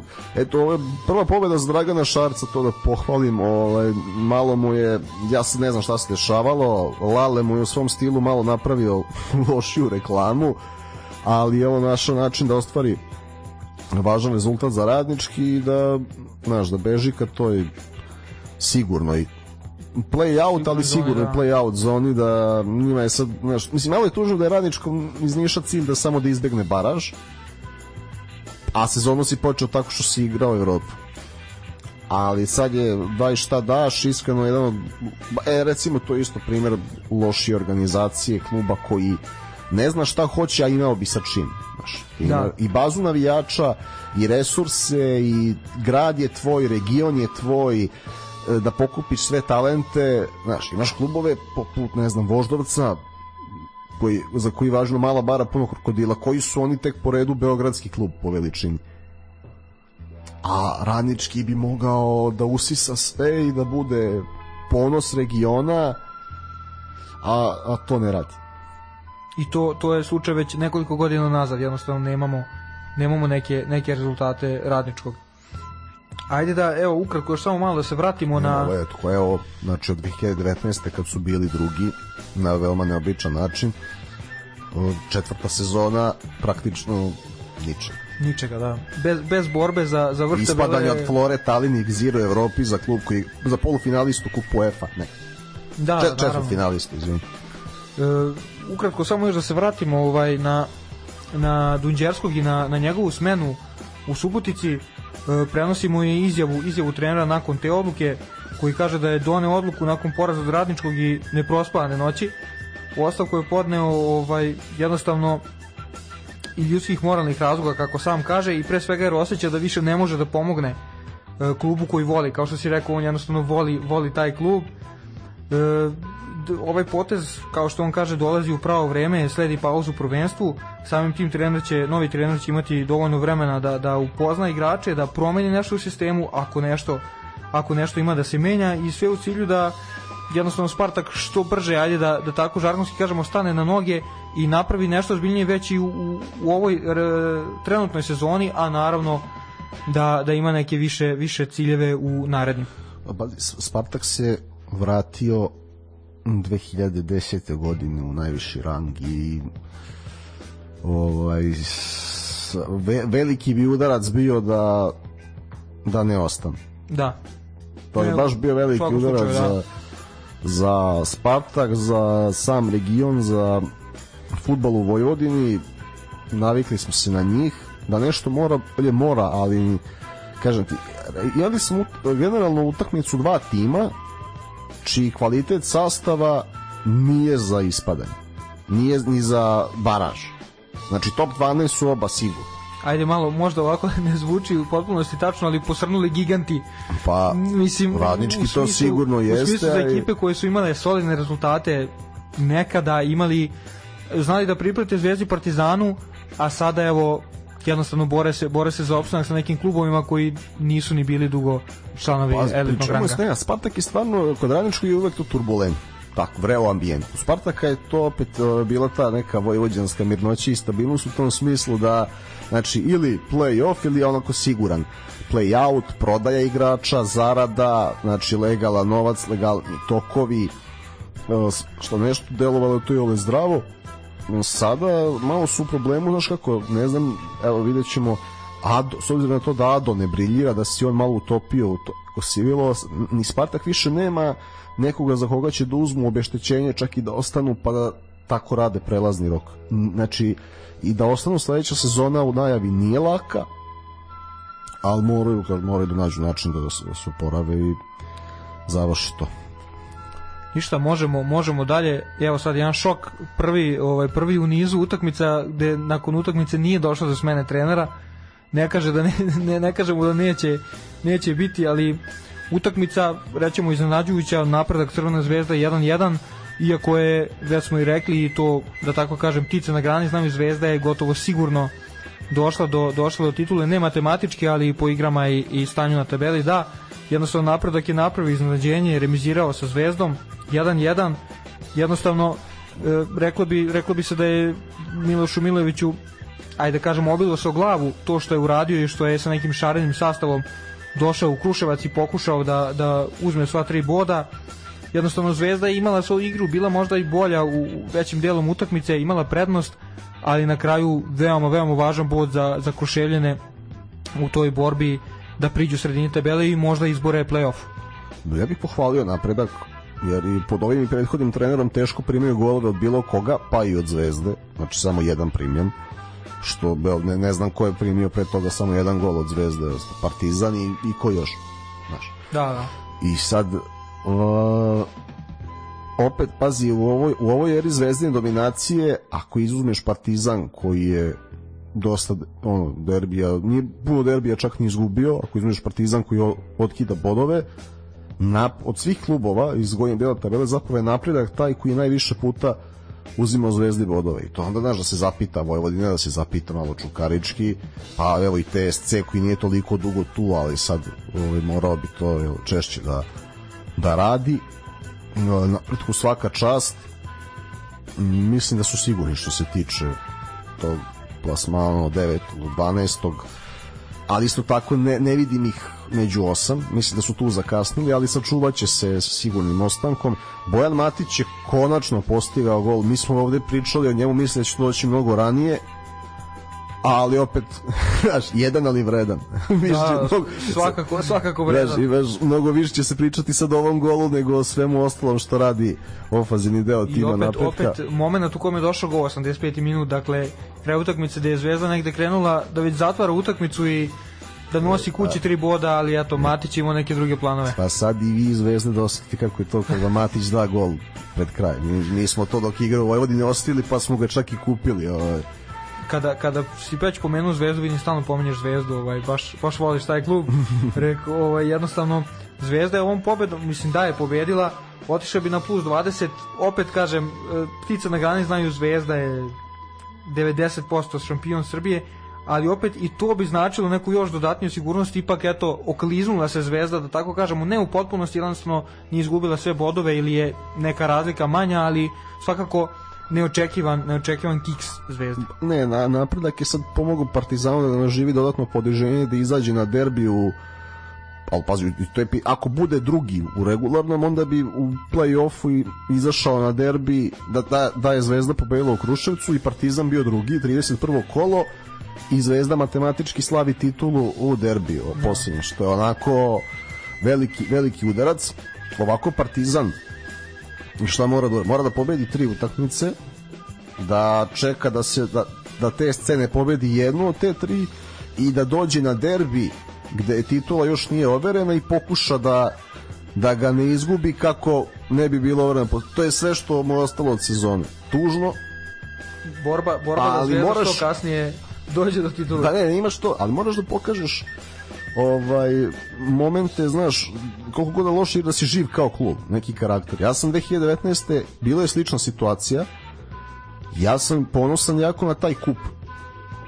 Kad je isto tako kao Dulje Savo Milošević preuzeo ekipu, isto u početku gubio dok nije našao, ali sad nema ni kupa, jer se rano ispalo, ne možemo ni za što sa godinu. I onda je ostao taj poslednji playoff derbi da pokušamo da, da ga pobedimo, to bi mnogo podiglo ekipu pred prelazni rok i kvalifikacije, ali eto, ako, a opet ako Partizan s druge strane bude treći, Zvezda će do 33. kola biti prvak matematički da. i slaviti titulu u derbiju. Tako da, da, da još kratko rezimiramo ovu utakmicu. E, jedan od najvažnijih igrača, stari latini bi rekli, Spiritu Moven e, Zvezde Mirko Ivanić u 37. minutu doveo je Beograđano u vojstvo, a hladan tuš za, za budućih šampiona Srbije Matić 85. minut važni bodovi kao što smo već rekli za, za napredak i mislim da je sada vreme da pređemo na poslednju, poslednju utakmicu ovog, de, ovog 27. kola A, Superlige evo, Srbije. pitanje za tebe kao navijača Zvezde, došlo spomenuo si to kombinovanje tima, a reci mi ti kako si zadovoljan igračima koji nisu nominalno starteri kad su najvažnije utakmice, a dobiju dosta minuta na proleće. Znači pričamo o Zarovu, o Prucevu, o Lekoviću i recimo ne znam koga bih tu još Pa prvo što je što je zajedničko svim igračima mladi su i ja sam uvek za to da igrači mladima, znači ako imamo e, stranca koji igra odlično, imamo mladog igrača koji je nešto loši, uvek treba dati šansu mladom našem domaćem igraču. Jednostavno to, to je to je fakat, to je tako. Kada je reč o ovim igračima koji si rekao jednostavno e, Zvezda u solidnoj prilici, opet sam rećemo šaren sastav Zvezde, ali u dobroj prilici da isproba Milović da isproba nešto za narednu sezonu, da vidi ko koliko može. E, naravno, mislim da se upravo u ovakvim utakmicama kada se igraju malo opuštenije daju šanse e, mlađim igračima, oni mogu da pokažu e, talenat, ne samo fizičku spremu koju, koju sigurno imaju i samim tim da budu interesanti nekim, nekim klubovima iz inostranstva, klubovima iz domaće lige koji možda žele da popune roster igračima koji trenutno ne mogu da budu u prvih, ajde rećemo, 18 u zvezdi, koji sigurno kaljanjem u nekom drugom klubu Super lige mogu, mogu e, u narednim godinama puno da donesu e, klubovima kakvi su Partizan i Crvena zvezda, dakle lideri, lideri najbolji klubovi naše lige. I pitanje je za tebe još jedno, da li, s obzirom na to, znamo koliki je kvalitet Milana Rodića kad je spreman, ali sve više problema s povredama i kad su ozbiljnije utakmice u pitanju i Milojević i Stanković su ga često menjali do 65. minuta. Da li vidiš Azarova kao startera naredne sezone i s druge strane e, kako ti se čini Vigo, zašto ovo pitam, dugoročno ovako što se tiče Zvezde, taj bekovski par, koliko god delovo interesantno možda iz tehničkog aspekta, da li misliš zbog neke skok igre i fizikalija da je to za Evropu dovoljno? Iskreno, što se tiče Viga, ajde nisam nisam preterano ga ni pratio ni, ni pogledao dovoljan broj utakmica da konkretno kažem, ali sudeći eto ajde i po tom slučajnom golu derbiju i po svemu jednostavno igrač koji je najmanje na, na ovaj na visini na, na rangu da kažemo u rangu ove lige i koji mnogo može da pruži zvezdi mladi igrač opet ću reći koji može dobro da se proda koji može još dugo da igra igra u Zvezdi. E, kada je to, ajde, škakljivo pitanje za, za Milana Rodića, meni se on iskreno sviđa kao igrač kada je nekoliko puta bio pozivan na reprezentaciju. Ja sam rekao da on može komotno da bude, naravno ne standardni bek u reprezentaciji kakva je, kakva je Srbija, ali da ima mesta u 18 igrača i da svojom, svojom igrom, ajde da kažemo, podsjeća na neke e, od, od najboljih full bekova koji može da centrira, može da, da pokriva više, ajde da kažem, pozicija dobar je sa, sa, sa fizičkom spremom, može da trči, ali jednostavno Pa je, pa to je, pa mogo je, I- više ne može, to je problem sad sa tim sa tim leđima to, to je uglavnom. bila njegova, ajde da tako kažemo, odlika, važna karakteristika koja ga je odvajala od drugih e, bekova i činila ga boljim. Sada je to kao što ti kažeš, nakon povrede i, konstantnih povreda, hronične povrede koje ga muče, ne može više, ne može više da da tutnji kroz, kroz pored e, desne out linije tako da leve iz leve, pardon, leve, ali jednostavno ne, ne, ne, ja sam za to da se dovede neki treći. Znači ni ni e, Azarov- Azarov ni Rodić, jednostavno da se nađe neko neko treće rađe, ra, rešenje, ali mislim da je ipak najvažnije da Gobelić više ne igra. U prvoj postavi, bar dok smo mladi, eto ako može, ako, ako neko sluša ovo, o, dobro, o, ima, imam ja rešenje, ali neću da ga nudim Zvezdanu Terziću. Ono je vrlo jednostavno i nameće se samo po sebi s jednim igračem kojem ističe ugovor, bivšim igračem Crvene zvezde na levom beku, ali neću da nudim ideje rivalskom klubu. neće da budeš u koristi. Tako je. O, E, možemo, možemo da ako- zatvorimo kolo. da zatvorimo kolo upravo tako, Tako da je. zatvorimo kolo interesantnom utakmicom ajde u, u, u ovoj u ovakvoj postavci da kažem utakmice koje su igrane jednostavno derbi kola. Možemo možemo slobodno reći sasvim solidna Da, da. sasvim solidna ekipe dakle Čukarički Voždovac e, Čukarički slavio 3-1 slavili su posle preokreta što je što je važno reći. E, oni su oni su ovom pobedom učvrstili sebe na toj četvrtoj poziciji na tabeli. Imaju samo bod manje od Partizana samo dva manje od TSC-a koji je drugi. Dakle pričali smo o tome Zvezd, e, Partizan, TSC drugi, treći. Evo tu je Čukarički koji vrlo lako može da im da im pomrsi račune neki tvoj komentar Pazi, evo ja ću ti reći sada, znači imat ćemo mm, međusobnih utakmica još ako se ne varam da, da znači 30. kolo regu, poslednje kolo regularnog dela je Čukarički Partizan Banovo Brdo a onda te tri ekipe će se sastati u prva tri kola play-off međusobno znači prvo treći i četvrti kogo da bude u 31. kolu pa u 32. kolu drugi i treći i onda tri, drugi i četvrti u 33. kolu sve tri utakmice će da pršte i bit će vrednije gledanja uživo i opširnije komentara mećemo fenomenalnu borbu od drugog do četvrtog mesta. Ja se nadam i petog ako malo Vojvodina to poveže. Iskreno da. mislim da će. Mislim da će da Vojvodina može, može i mora. Prosto će i play-off i play-out. I pazi, ako i, u ova još tri kola ne bude nešto nekom kom, ali takva je tabela, nema kome ne treba, znaš. Jer Zvezda, Zvezdi u suštini ne treba previše, a Zvezda ima obavezu pobeđivanja i Miloš Milović neće da dozvoli, znači on, to je sad to što si rekao, daće on šansu nekim igračima, ali znamo šta je Zvezda.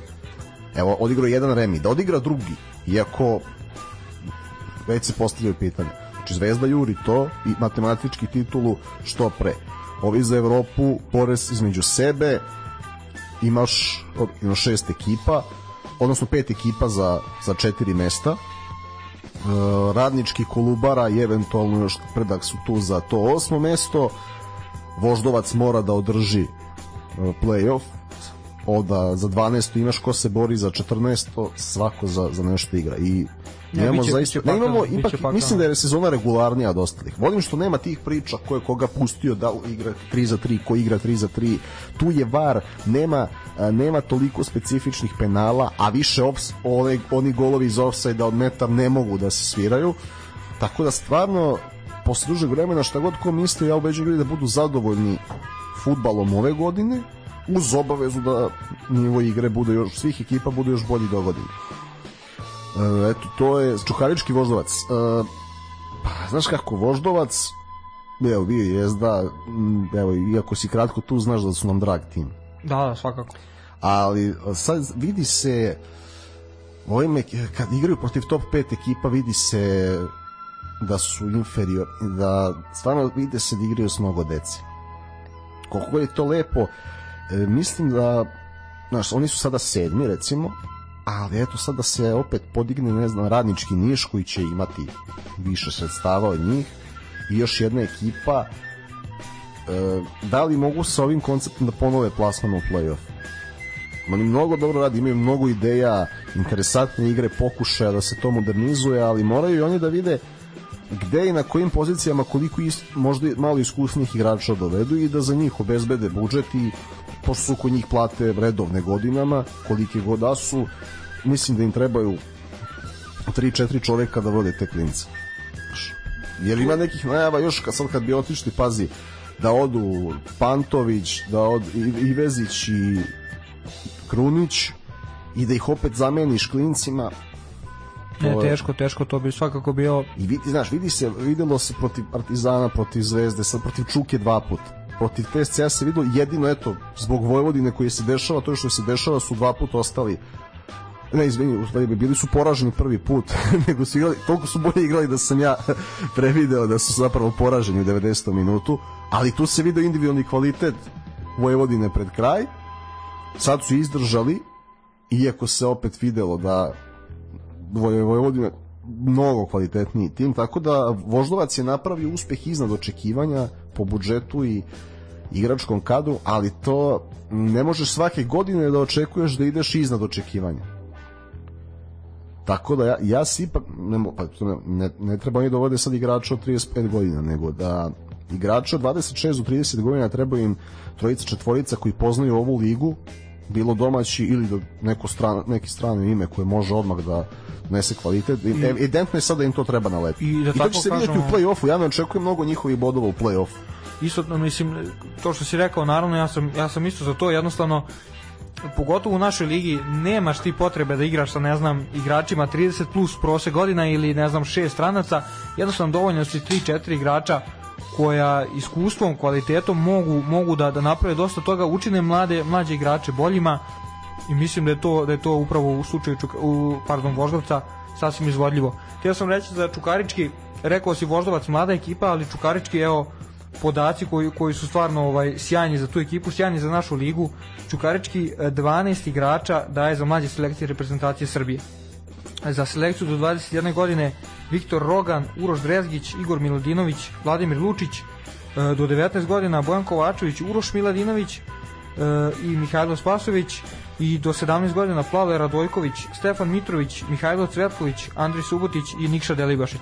Podatak za ponos. U svakom slučaju, mislim, pratiš malo više i sigurno da možeš nešto više da kažeš, ali stvarno ovako, ovako to zvuči zaista sjajno i super, super za, za domaći futbol. Ne, što, Čukarički je praktično jedini privatni klub u ligi. Ko, ne može to još ovde bude na taj način, ali zna se jednostavno hjerarhija. Imaš gazdu, imaš sportskog direktora, imaš trenera. Kraj. Što je to, ne, to, te priče upravni odbor i muka mi. To da sad, ne znam, sedi 10, 15, 20 ljudi nešto smatra tu. Pa da, svako na da. svoju vedenicu. To je prevaziđen koncept. Pravi upravni odbor, to je 4 do 6 ljudi da se podele uloge, zaduženja, zna se šta je čiji posao i ko kome odgovara. Ne, ne, slažem se u potpuno. I Čukarički je najbliži tom konceptu u Srbiji. Izvini, ovaj, Čukarički uz TSC. Ovaj, najbliži tom konceptu. Ovaj, to je donelo rezultat.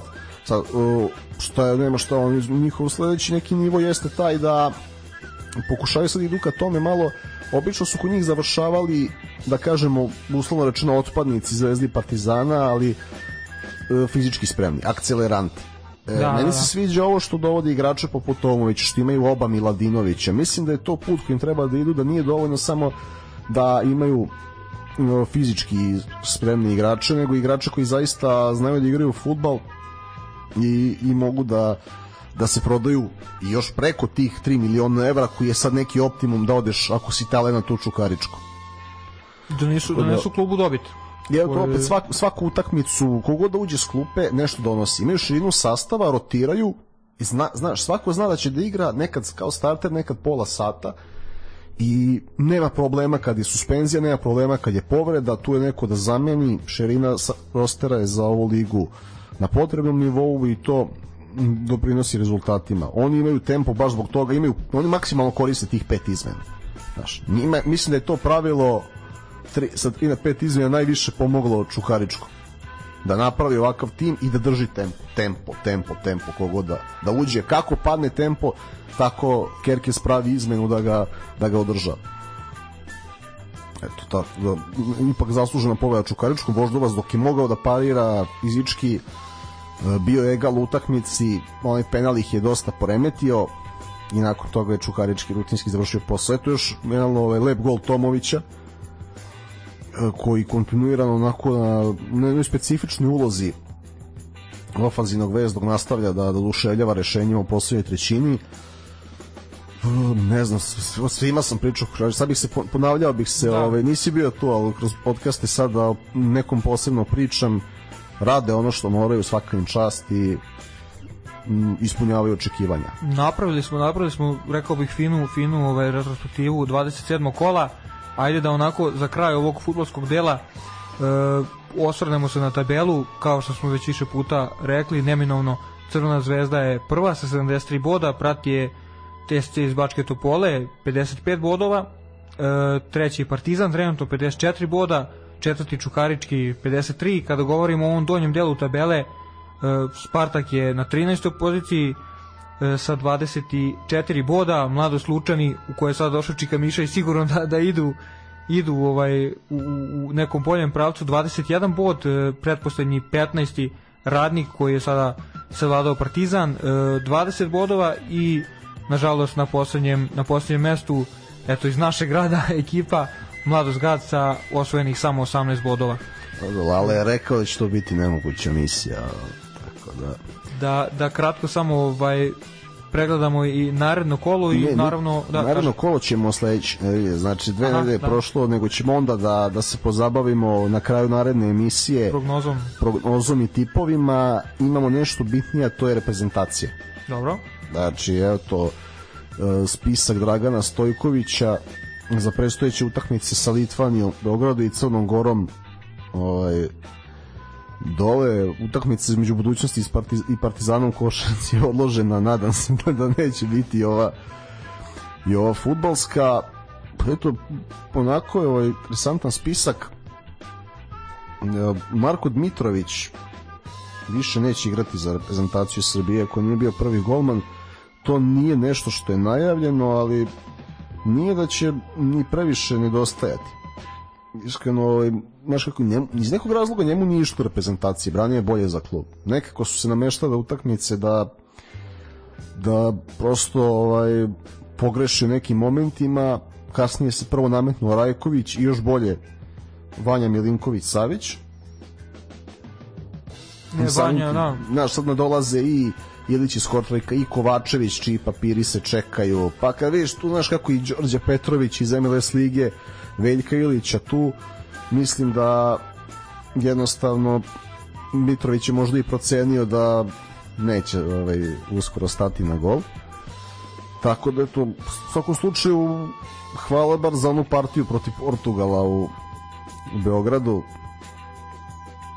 Tako da tu nas je spasio koliko je mogao i doprineo na taj način plasmanu u Katar pre nego što je uh, Rajković stao na gol eto ne znam, ali kako se tebi čini ta odluka? Njegova, da li te iznenadila ili... Iskreno, ajde sada kada gledamo tako, naravno ne možemo, ne možemo da se stavimo u njegovu poziciju, njegovu situaciju, ali mogu da napravim neku paralelu sa, sa rukometom, kojih ćemo nešto kasnije više, više pričati, ali jednostavno neki igrači e, koji ne igraju, koji nisu igrali u domaćim klubovima, igraju u stranim klubovima, više odlučuju da nakon, ajde da kažemo 29. 30. godine, ako vide da nisu prvi izbor na svojoj poziciji, ajde konkretno govorimo e, pozicije koje su malo spe, specifične u rukometu, pivoti ili, ili krila, ako vide da nisu da nisu standardi, da nemaju minutažu, jednostavno nema potrebe da da se uzimaju mesto mlađim igračima. Mislim da je upravo to slučaj s Mitrovićem koji je igrač u, u solidnim godinama, naravno kao golman ima još mnogo mnogo sezona ispred njega ali uzet ćemo u obzir to da Vanja Milinković Savić brani sjajno u klubu, brani sjajno u reprezentaciji što je pokazao na, na prvenstvu sveta, tako da trenutno on sigurno kao broj 1, Rajković solidnim partijama takođe kao broj 2 i sigurno da Dmitrović ne bi, ne bi imao preveliki preveliko preveliki prostor da, da nastupa za, za reprezentaciju i sigurno da on čovek u, u malo zbiljnijim godinama nema nema nikakvog rezona i potrebe da, da sedi na klubu i bude čak treći golman reprezentacije. A, jasno. Evo, ja ću sada čitati spisak, znači iako je Dmitrović pozvan, on neće biti sa ekipom, pored njega golman je to Vanja Milinković, Savić, Pedra Drajković i Dragan Rosić iz Radničkog iz Niša. E, čestitamo Draganu na, pa mogu da kažem i zasluženom pozivu, ajde da, da je bio pik Kovačević, čiji papiri se čekaju, ali ako je neko izlačio taj radnički ove sezone, to je Rosić, mnogo utakmica, znači mnogo zapaženih odbrana i Pixi ga je nagradio. Pokazao je da prati domaću ligu i nije Rosić jedini ovaj, na spisku. Tako da, pored toga, odbrana znači Nikola Milenković, Strahinja Eraković, još jedan futbaler Superlige Srbije, očekujem, ovaj put očekujem neke minute iza njega. E, Nemanja Gudelj koji ovaj put je na samom spisku nominalno uvršten u defanzivce i to jasno govori o planovima da možda tim iskustvom da se pomeri u liniju sa tri pozadi da imamo sigurniji pas koji je falio na, na mundijalu. Zatim Erhan Mašović koji je najbolji strelac Bohuma ovog proleća, to ne znam da li si ispratio, ali eto... Ne, ali interesantan podatak svakako pa da, za, za defanzivca. Evo, pa sad je dao gol, eto, doneo je bodove, vodi ih čovjeka opstanku iz zone Ispanja, sad je doneo bodove protiv Leipziga, pre toga mu je asistirao Asano, još jedan futbaler koji se obrao u ovoj našoj ligi, tako da zasluženo Jerha na spisku ponovo, iako nije bio tu na mundijalu. E, nema Srđana Babić, eto, bile, dilema je bila između Babića i njega, sad je Erhan tu zbog bolje forme, opet zasluženo. Strahinja Pavlović očekivano, Nemanja Stojić, čestitamo na pozivu, znači, da eto u Partizanu i Zvezdi nisu imali sluha za njega u omladinskim kategorijama, TSC je to odlično procenio, i njegova vrednost na transfer martu je 1,2 miliona eura i to uopšte nije nerealno da TSC za njega taj iznos i dobije, što za njih kao klub uopšte nije malo. Kako da ne? De, to, to, to je neki optimum kako je idu, koliko je Beše Banjac je 1,3 otišao, tako da za defanzivca da izvuku taj novac i reprezentativca biće biće odlično. E, Filip Kostić i Filip Mladenović kao levi krilni bekovi očekivano u veznom redu Ivan Ilić, Uroš Račić, Saša Lukić, Marko Grujić, Andrija Živković i Nemanja Radonjić kao desni krilni bekovi, nema Darka Lazovića posle dužeg vremena širen spisku, s tim da selektor Stojković nije isključio e, povratak Darka i nema Nemanje Maksimovića. Meni iskreno Meć Maksimović neće nedostajati.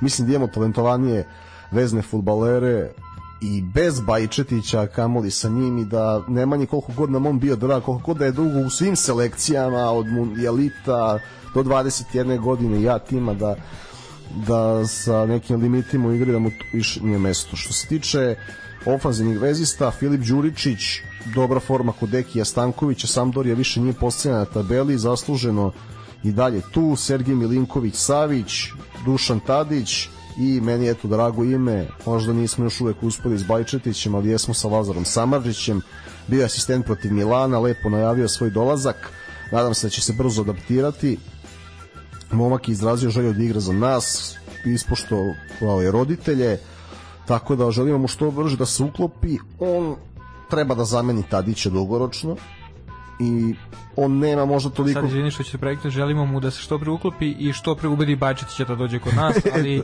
da li će tome uspeti ne znamo. Da, da vidjet ćemo. selektor kaže da je na vezi s Bajčetićem, već da su pričali da neće da vrši pritisak, Uh, Samadžić, on možda nema rešenja u rangu Tadićevih, ali prošao je Nemačku školu futbola, donosi sa sobom disciplinu, donosi igru i u defanzivi. Tako da dugoročno Samadžić će imati jednu zanimljivu ulogu, mislim, a opet rasteretit će Sergeja. Znaš, Sergij ne voli uvijek da trči. ali znamo šta Sergij donosi. Da.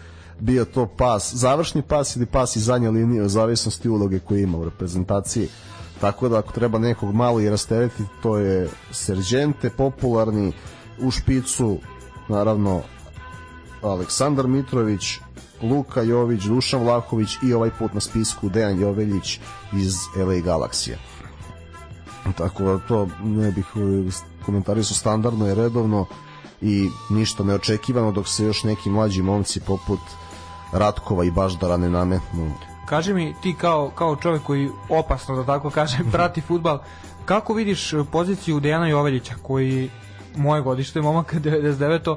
a igra igra u MLS ligi i složit ćemo se pruža solidne partije u Galaksiju, ali kak, kakav je neki tvoj odnos prema tome da kao mlad igrač talentovan reprezentativac igra u MLS-u? Pa rekao sam već, ovaj, možda taj podcast nisi slušao, mislim da su baš pričali pre nekoliko nedelja. Lepo je to da oni odu da zarade, da su negde starteri, ali svi imaju kvalitet, svi imaju mesto u Evropi. Zato što um, a, znaš kako, američki koncept sporta jeste možda ispravno u smislu organizacije toga da se svima da e, šansa kroz od, određene draftove i franšize, ali tu nema uvek pritiska, znaš, onda ti kažu nema takmičarskog nabaja uvek nego samo za određene klubove u određenoj sezoni i mislim da to nije liga za naše mlade igrače. Nikako, da. Oni pokušavaju sad to da popu, jedino što može biti dobro što ima nekih interesantnih trenera, dovode ih iz Evrope i oni sami se usavršavaju u tom smislu. Ja sam uvijek za to da oni igraju takmičarski intenzivniji futbal u Evropi, bila to belgijska, holandska, portugalska ili neka liga sličnog ranga ili pa i srpska, bože zdravlja da uznapredujemo, da više ne bude problem da mlad igrač se zadrži u Srbiji i da, da se ne smatra da će tako nazadovati. Tako da ja želim i Dejanu i Golmanu Petroviću i Nikoli Petković koji je skoro otišao da se što pre vrate u Evropu.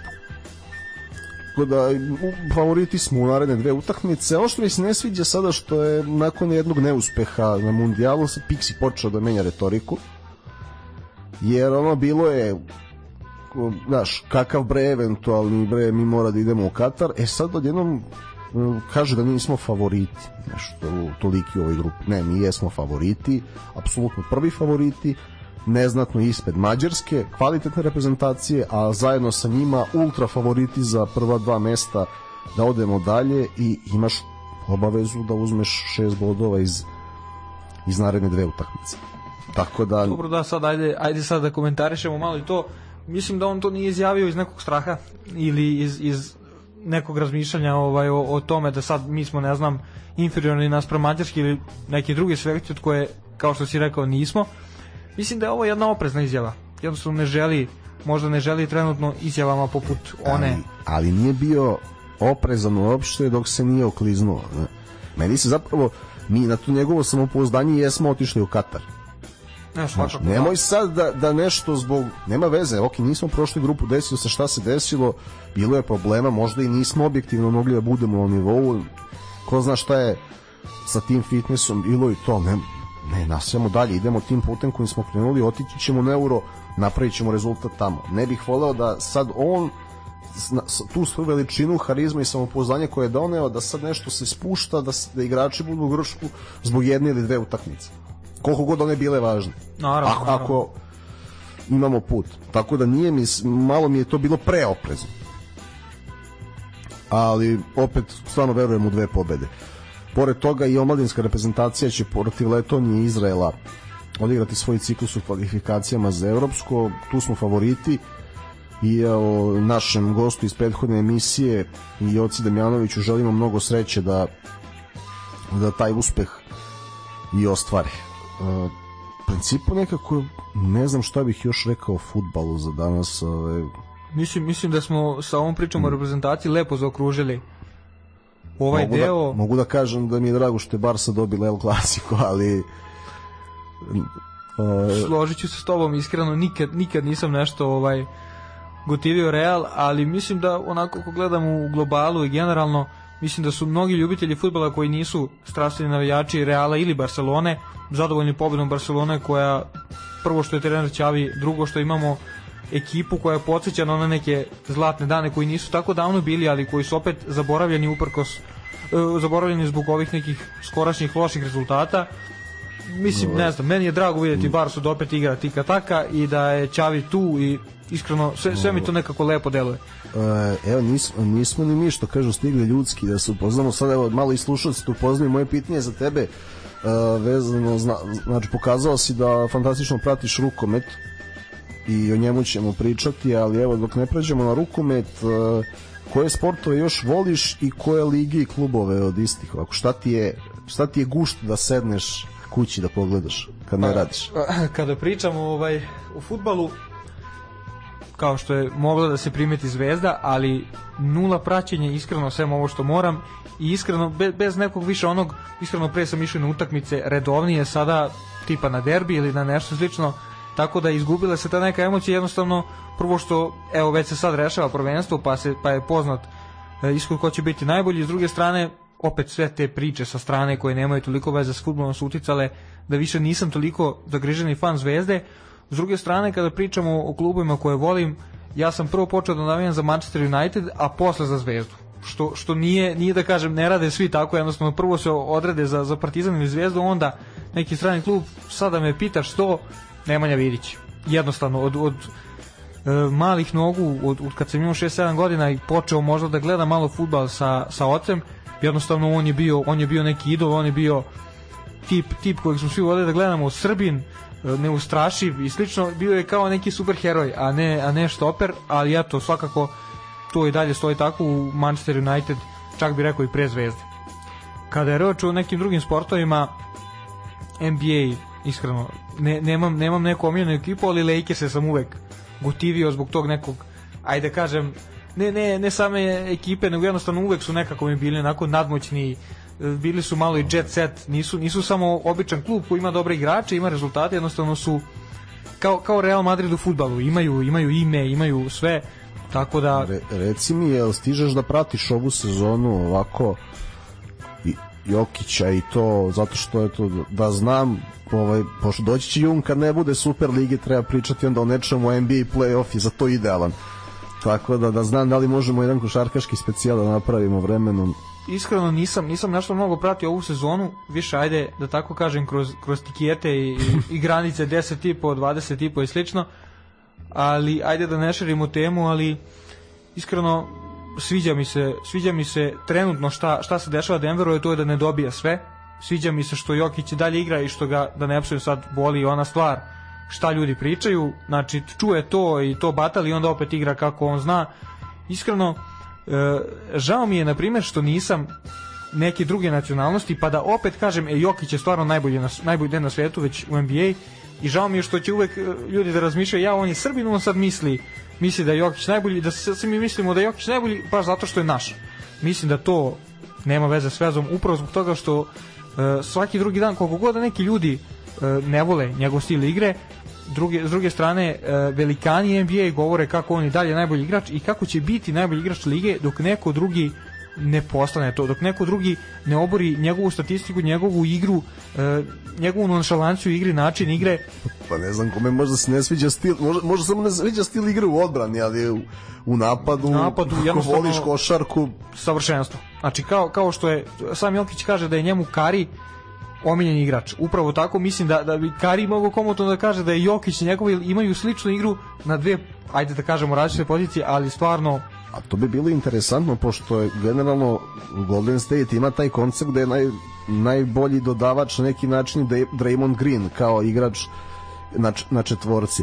Tako da ovaj to da da Kari prolazi oko blokova, a da Jokić dodaje lopte, mislim ona zamisli da, ga, da da Jokić njega nalazi u korneru, pazi, ono to ili Thompsona, ono. Ono, pokriješ da. Kari, a ono Thompson, ovam, ovamo Jordan Poole, to bilo bi vrlo interesantno. Ne bi bilo fair, mislim da ne bi bilo fair. O, tako da, ajmo mi malo o rukometu, evo sad već tradicionalno pričamo o istom, odigran je večiti derbi u rukometu i za mene je rezultat bio iznenađujući. Slažem se u potpunosti. Nešto navijam, nego dosta igrača otišlo iz Zvezde, bilo je priča o nekim neisplaćenim platama, loša forma, neobični porazi i onda bum. E, ne mogu, ne mogu ovaj da govorim, da govorim nešto opširno, ali svakako da je bilo iznenađenje i da je šok ovo, šok za Partizan, jednostavno Partizan je, mislim da si to i ti pominjao, sada Vardar u, u Seha ligi, Vardar koji je ozbiljna ekipa, svi koji prate rukomet znaju, znaju što znači Vardar u, u evropskim okvirima rukometa. Zvezda je prošle godine bila bila u play-outu, nije bila ekipa koja je koja nije bila ni blizu neke borbe za, za vrh tabele, ali zato ove sezone sasvim korektni, žele taj, taj play-off, žele taj, tu, taj ulazak među četiri najbolje ekipe, da li će ga ostvariti, teško je reći, jednostavno pre svih Vojvodina, Dinamo Pančevo, Metaloplastika i Partizan su objektivno gledano kvalitetnije ekipe od Zvezde, ali Zvezda upravo pobedom pokazala da kao što je slučaj u futbolu u derbiju ne važe ko je u boljoj formi, ko ima bolje igrače. Zvezda je napravila sjajan rezultat, pobedila večitog rivala koji je kvalitetniji u ovom trenutku, osvojila veoma važne bodove i sada je peta peta na, na tabeli. Da, i pa to baš ovo si rekao za derbi, već protiv to plastike su nastavili sa formom od, od pre derbija. Ja sam očekivao tu, nakon derbija, da se podignu, očekivao sam neizvesnu utakmicu, to je objektivno bio derbi kola.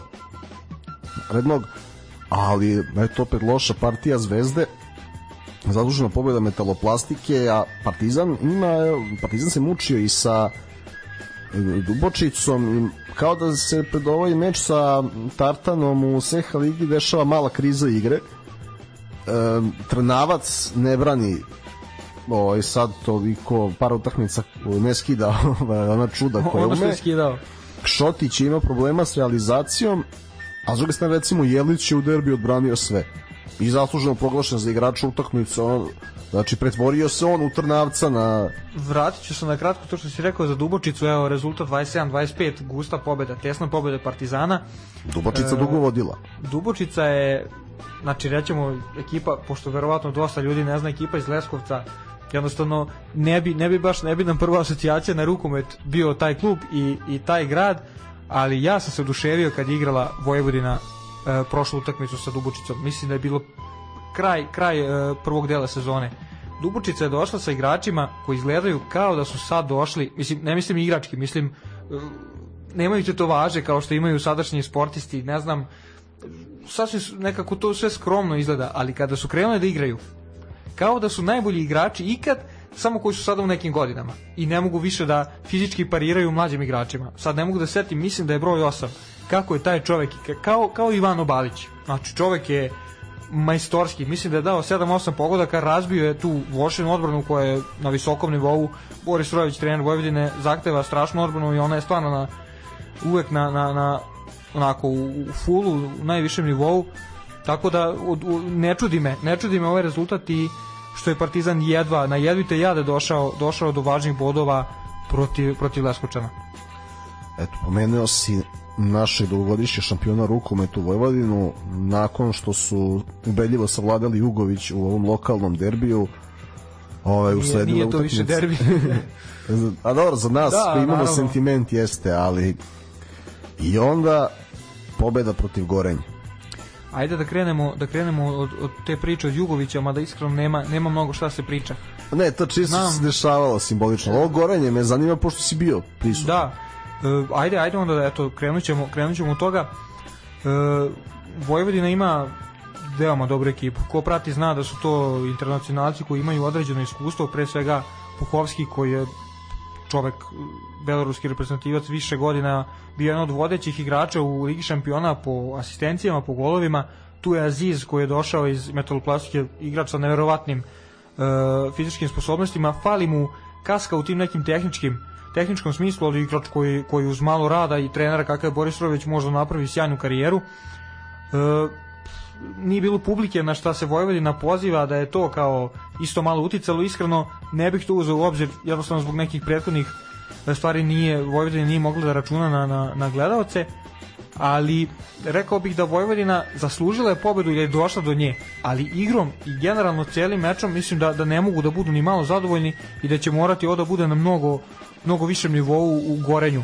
Vojvodina je od prvog do, do neke 15. minuta izgledala blago rečeno užasno jednostavno svaki drugi napad je završavano izgubljenom loptom tako što ona ispada iz ruku od, pardon, otvara se kontra za, za brza krila gorenja jednostavno ni na što ta igra nije ličila ipak kao što je očekivao Miočić, trener, trener Gorenja Vojvodina je došla do svoje igre u, u, u nekom tom periodu 20 i 45 minut u tom rasponu krenula da igra odlično igrala malo, e, tačno zna da prepozna moment kada trebaju da igraju na individualni kvalitet igrača kada na izgrađenu akciju.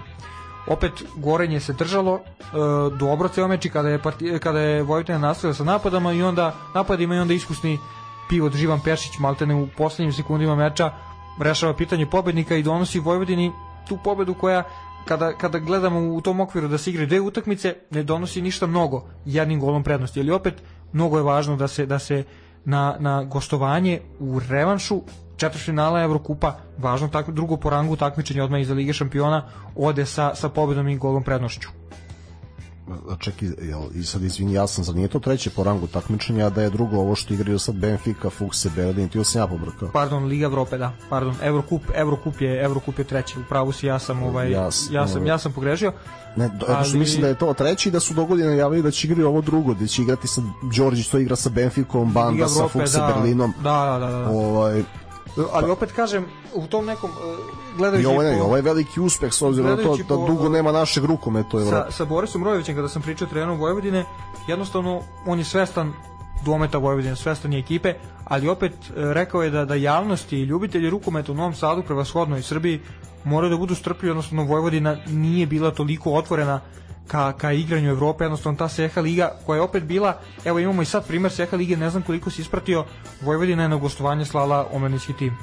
Sa dva iskusna igrača, iskusna po znaku na, igrači sa 24-5 godina, e, Vojvodina igrala dobro, izgubila časno u oba ta meča, jednostavno ispunili su cilj, dobili su prve dve utakmice kod kuće, obezbedili taj plasman dalje i sada će igrati e, četvrtfinale, jednostavno svi su obezbedili plasman dalje, ali imaće lakše protivnika zbog, zbog te prve dve pobede, Tako da, e, odlična stvar za srpski rukomet da Vojvodina beleži dobre rezultate, pogotovo u završnici nekog evropskog takmičenja, uopšte nije važno kog. To je kao da sada, ako okrenemo na tu priču u futbolu, kao da sad, ne znam, ajde daću, daću primer, da TSC naredne sezone dođe do, do četvrtfinala Lige konferencija. Mislim, sjajan bi uspeh bio, iako ako gledamo Liga konferencija, nije, nije ovaj nije, nije toliko važno takmičenje. Ma ne, za nas je veoma važno. Naravno, upravo to govorim. Kada govorim u okvirima našeg sporta, važno je svako evropsko takmičenje je važno. je tu da potvrdiš kvalitet i evo, reci mi uh, ovako, ko je, pošto je Goranje vodilo velikom razlikom oko dosta Imali dugo. Reci da, mi šta, uh, ko, ko su glavni inicijatori preokreta i šanse u revanšu? Iskreno, uh, Aziza bih morao da izdvojim kao jednog, iako to ne želim, ali moram da ga izmenim kao jednog od, od važnih igrača za preokret zbog golova jednostavno, iako igrom nisam, ne mogu, ne mogu, ovaj, ne mogu da kažem da je dobro igrao, ali donosi ono što je najvažnije. Vojvodina je na suvi individualizam i kvalitet uspela da bude bara bar sa, sa gorenjem u tim nekim trenucima kada nisu znali tačno šta da rade na terenu, posle su organizovanom igrom mislim, samo, samo da se pogleda eto taj poslednji napad, znači 59 minuta 45 sekundi izgrađena fenomenalna akcija za Pešića pivota koji ostaje sam i svi su već bili, bilo jasno da on postiže pogodak to ne može svako. Dakle, u, u poslednjim sekundama meča strašno lepo organizovana akcija, bez žurbe. E, pored toga, ajde rekao bih, e, Vojvodina, za razliku od mnogih ekipa u domaćem prvenstvu, ali isto tako u Evrokupu, može da računa na dva dobra golmana. To su Luka Arsenić i Fran Lučin, momci koji, koji kada god su na golu prave odbrane, nemaju te crne serije da sad on 10 minuta ne može, ne može ništa da odbrani. Luka Arsenić brani sjajno, mislim da sad ne vodim tačnu statistiku, nisam maca informacija, ali mislim da on u prethodnih tipa 10 kola, u svakom kolu barem jedan sedmerac odbranio. Što nije mala stvar i važno je za ekipu kada je ekipa u nekom egalu, a golman odbrani sedmerac. A to je, to je neverovatno značajno za ekipu. U drugom poluvremenu jedno od jedinih svetlih tačaka u prvom poluvremenu bio upravo Arsenić. U drugom poluvremenu ušao je Fran Lučin, isto sjajan golman, koji je skinuo dva, tri zicara gorenju, oni su se tu zbunili, Vojvodina e, napravila nekoliko kontri došla i do prvi put do vođstva, e, čini mi se preko Grozdanića, e, krila, tako da ovaj izdvojio bih eto e, Lučina, naravno organizatora igre Puhovskog, ali i, i strelca Aziza i naravno krila Grozdanića koji isto svojim golovima doprineo, doprineo ovoj važnoj pobedi. E, kada pričamo o revanšu, ajde hoću prvo da čujem tvoje mišljenje. Šta ti misliš, šta ti misliš koliko Vojvodina može u, u Gorenju u Velenju, pardon, protiv Gorenja?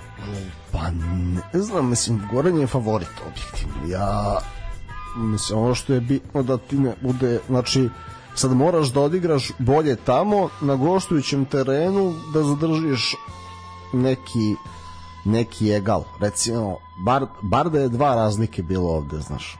Ne, naravno, još, naravno, da.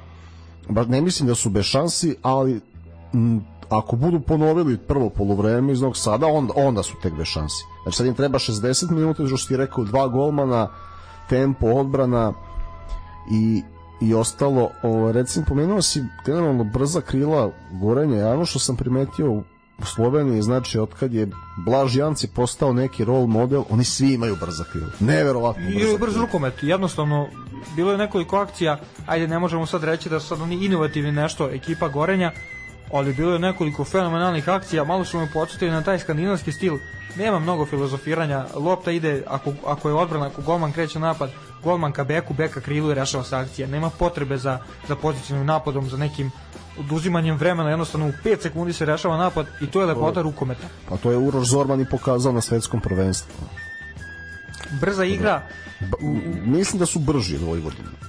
Brži u svakom smislu. Vojvodina ima, e, to sam već i rekao, ali ima taj individualni kvalitet, ima igrače koji e, Puhovski, Gregor Ocvik, nekadašnji reprezentativac Slovenije koji dan danas je na nekim širim spiskovima, Aziz, Tunižanin, koji je momak 98. godište, pred njime 10 godina karijere, koji ima stvarno sjajne fizičke, ali vidi se da mu fali ta tehnička potpora, da nema, jednostavno, opet tu je malo i, to je uh, trener uh, Rojević, Vojvodine odlično primetio, jednostavno uh, Gorenje se u ligi sastaje s jednim celjem koji igra, koji pobeđuje Kila, koji pobeđuje Barcelonu, koja je na, na jedno od najboljih kluba u Evropi. Dinama i bivši prvak Evrope. I...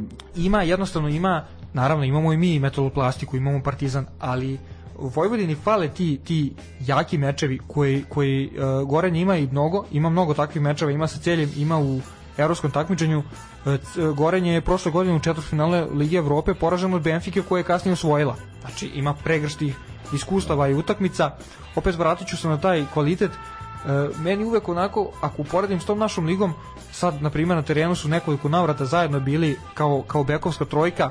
Puhovski sa koji igrač ima 38 godina, ali neverovatan fizički dalje, ne, iskustvo, e, igra sjajna, Aziz koji je strašan talent i e, Ocvirk koji je Ocvirka bi uporedio s Jokićem, iskreno, znači čovek koji fizički ne, po, ne, ne izgleda kao da, da je nešto mnogo spreman, ali koji no, da, kokoškom ili kojim nekim fenomenalnim dodavanjem možda preokrene utakmicu, možda reši utakmicu, tako da e, kao što si rekao, da je bar bilo dva razlike. Mislim da je Vojvodina i tekako imala i priliku za to i kvalitet da, da dođe do toga.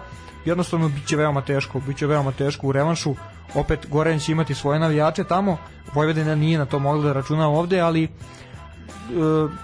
pomalo subjektivno verujemo u ekipu Vojvodina, u ekipu Borisa Rojevića i mislim da ako, kao što si rekao, ako ne ponove tu lošu igru iz prvog polovremena, budu, budu konstantni, ajde da kažem 45-50 minuta, naravno moraju sebi da dopuste neki period loše igre, ali da, da mogu, mogu da dođu do, do polufinala. A znači ako održe taj ovaj Galis prve utakmice u poslednjih 10 minuta, možda bi ta rešenja koja ima pomenuti bekovski trio u tako vreloj atmosferi mogla da dođu do izražaja da prelome da Vojvodina ode u jedno lepo polufinale. Ne samo to, nego jednostavno ukoliko bi do toga došlo, nakon toga sledi, e, postoje, postoje ovaj, indicije, postoji šansa da se utakmice polufinale igraju u Spensu, možda zamisli šta će to biti. Dakle, čim je neka malo završnica prvenstva, ljudi će se sigurno ovaj skupiti takođe i pristalice vatrene pristalice Vojvodine tako da to će biti spektakl i i vatrene i, pristalice neutralni mislim taj Spens je znaš ljudi mogu pričati ono sad šta hoće Ovde je bilo Vojvodina u odbojici, Vojvodina rukometu, futbalu, reprezentacija u rukometu, odbojici, košarci. Taj Spence se puni. Znači ja, da ja očekujem da to bude kako treba. U tom slučaju Vojvodini želimo mnogo sreće kao i Partizanu sutra u Seha Ligi protiv Tartan Prešova. Eto, reci mi tu, ovaj, ja si što se tiče ekipe Tartana, Partizan se stvarno sjajno pokazao protiv Vardara. Izvini, izvini što ti ispričam Tatran, a Tatran. ne Tartan, ali, ali e, ovaj nije. Izvi, okay, nije, ja sam, ne, ja kažem da sam rukometni laik. Ja, nije, nije ni toliko ja važno. Ja ga samo volim, malo sam mu se vratio. Ali... Sad, sad ajde ako gledamo iz ove prizme koju smo, koju smo obradili, Partizan poprilično uzdrman. Dakle, tesna pobeda protiv Dubočice, poraz od Crvene zvezde, e, Tatranu ne mogu, ne mogu nešto previše da kažem, ali svakako ekipa koja, koja može, može da savlada ekipu poput, poput Partizana, koja je u maloj nekoj krizi, koja se sada bori da, da ostane u toj top 4, da ostane u play-offu i borbi za, za šampionsku titulu u Srbiji, reću patriotski, mi dobijamo. Ukratko. To to. O, dobar si. Ni, nisi toliko ostrašćen iz Ne, ne, ne, ja sam ja zvezdaš, ali to je tek posebna tema, mislim nema potrebe da, da ne želimo ovaj svu sreću i, i bodove Partizanu. Jasno, jasno. Eto, mislim da smo ovako ovo lepo sublimirali za prvi put. Nadam se da, da je slušalcima bilo zanimljivo kao i onima koji će to slušati u ofu. Ovaj, što da kažem, osim da čekamo Stanislava da se vrati, ali to neće tako skoro. Do tada slušamo se naravno i sledećeg ponedeljka. Za sledećeg ponedeljka ne mogu još da obećam ali radimo na tome da imamo jednog veoma zanimljivog gosta, širokog spektra poznavanja različitih sportova, između oslog biće i dosta reči o rukometu, ali i o futbalu širom planete i ne samo evropskom. Eto, onima koji detaljnije prate sport i sportske prenose možda mogu da oni mogu da možda da pogode i o kome se radi, ali taj čovek to može da potvrdi tek u nedelju, koliko potvrdi imaćete najavu emisije na našoj Instagram stranici, pratite nedelju i u tom slučaju šaljite pitanja. Ukoliko gospodin ne bude mogao da krene put Novog Sada Vuk i ja ćemo biti tu za vas dok nam se Stanislav ne vrati iz hladne nam Rusije. Tako da šta kaže eto Stanislav iako nemam lični kontakt ja ću da pozdravim Strahini iz Ježa uvek kupujte knjige ovaj, Stanislav uvek najavi tako da što kaže ovaj, Dule Vojošević knjigom do uspeha. E, bilo to još jedan lep ponedeljak iza nas. Vuče tebi hvala ovaj, prvo što si na toj inicijativi da nam se pridružiš i na tvom poznavanju sporta i materije da se tako lako uklopiš. Jer kod nam bilo drago, mi želimo naravno podršku, nikad ne znaš kako će do da klikne u se ne desi, ali stvarno evo ovo iz prvog puta i ovo sada, ova dva sata način na koji si i uveo emisiju i ispratio sve što treba. Zaista sam zahvalan i srećan što si, što si sa nama, tako da nema šta, mi smo tu za sedam dana, nadam se sa gostom, mislim da će to onako da bude, mislim, on je svakako specifičan sam po sebi, tako da ako dođe bit će bum, do tada što da kažem, slušajte Kupeka u 10, ostanite uz nas i želimo vam prijatno večer. Pozdrav od mene, prijatno.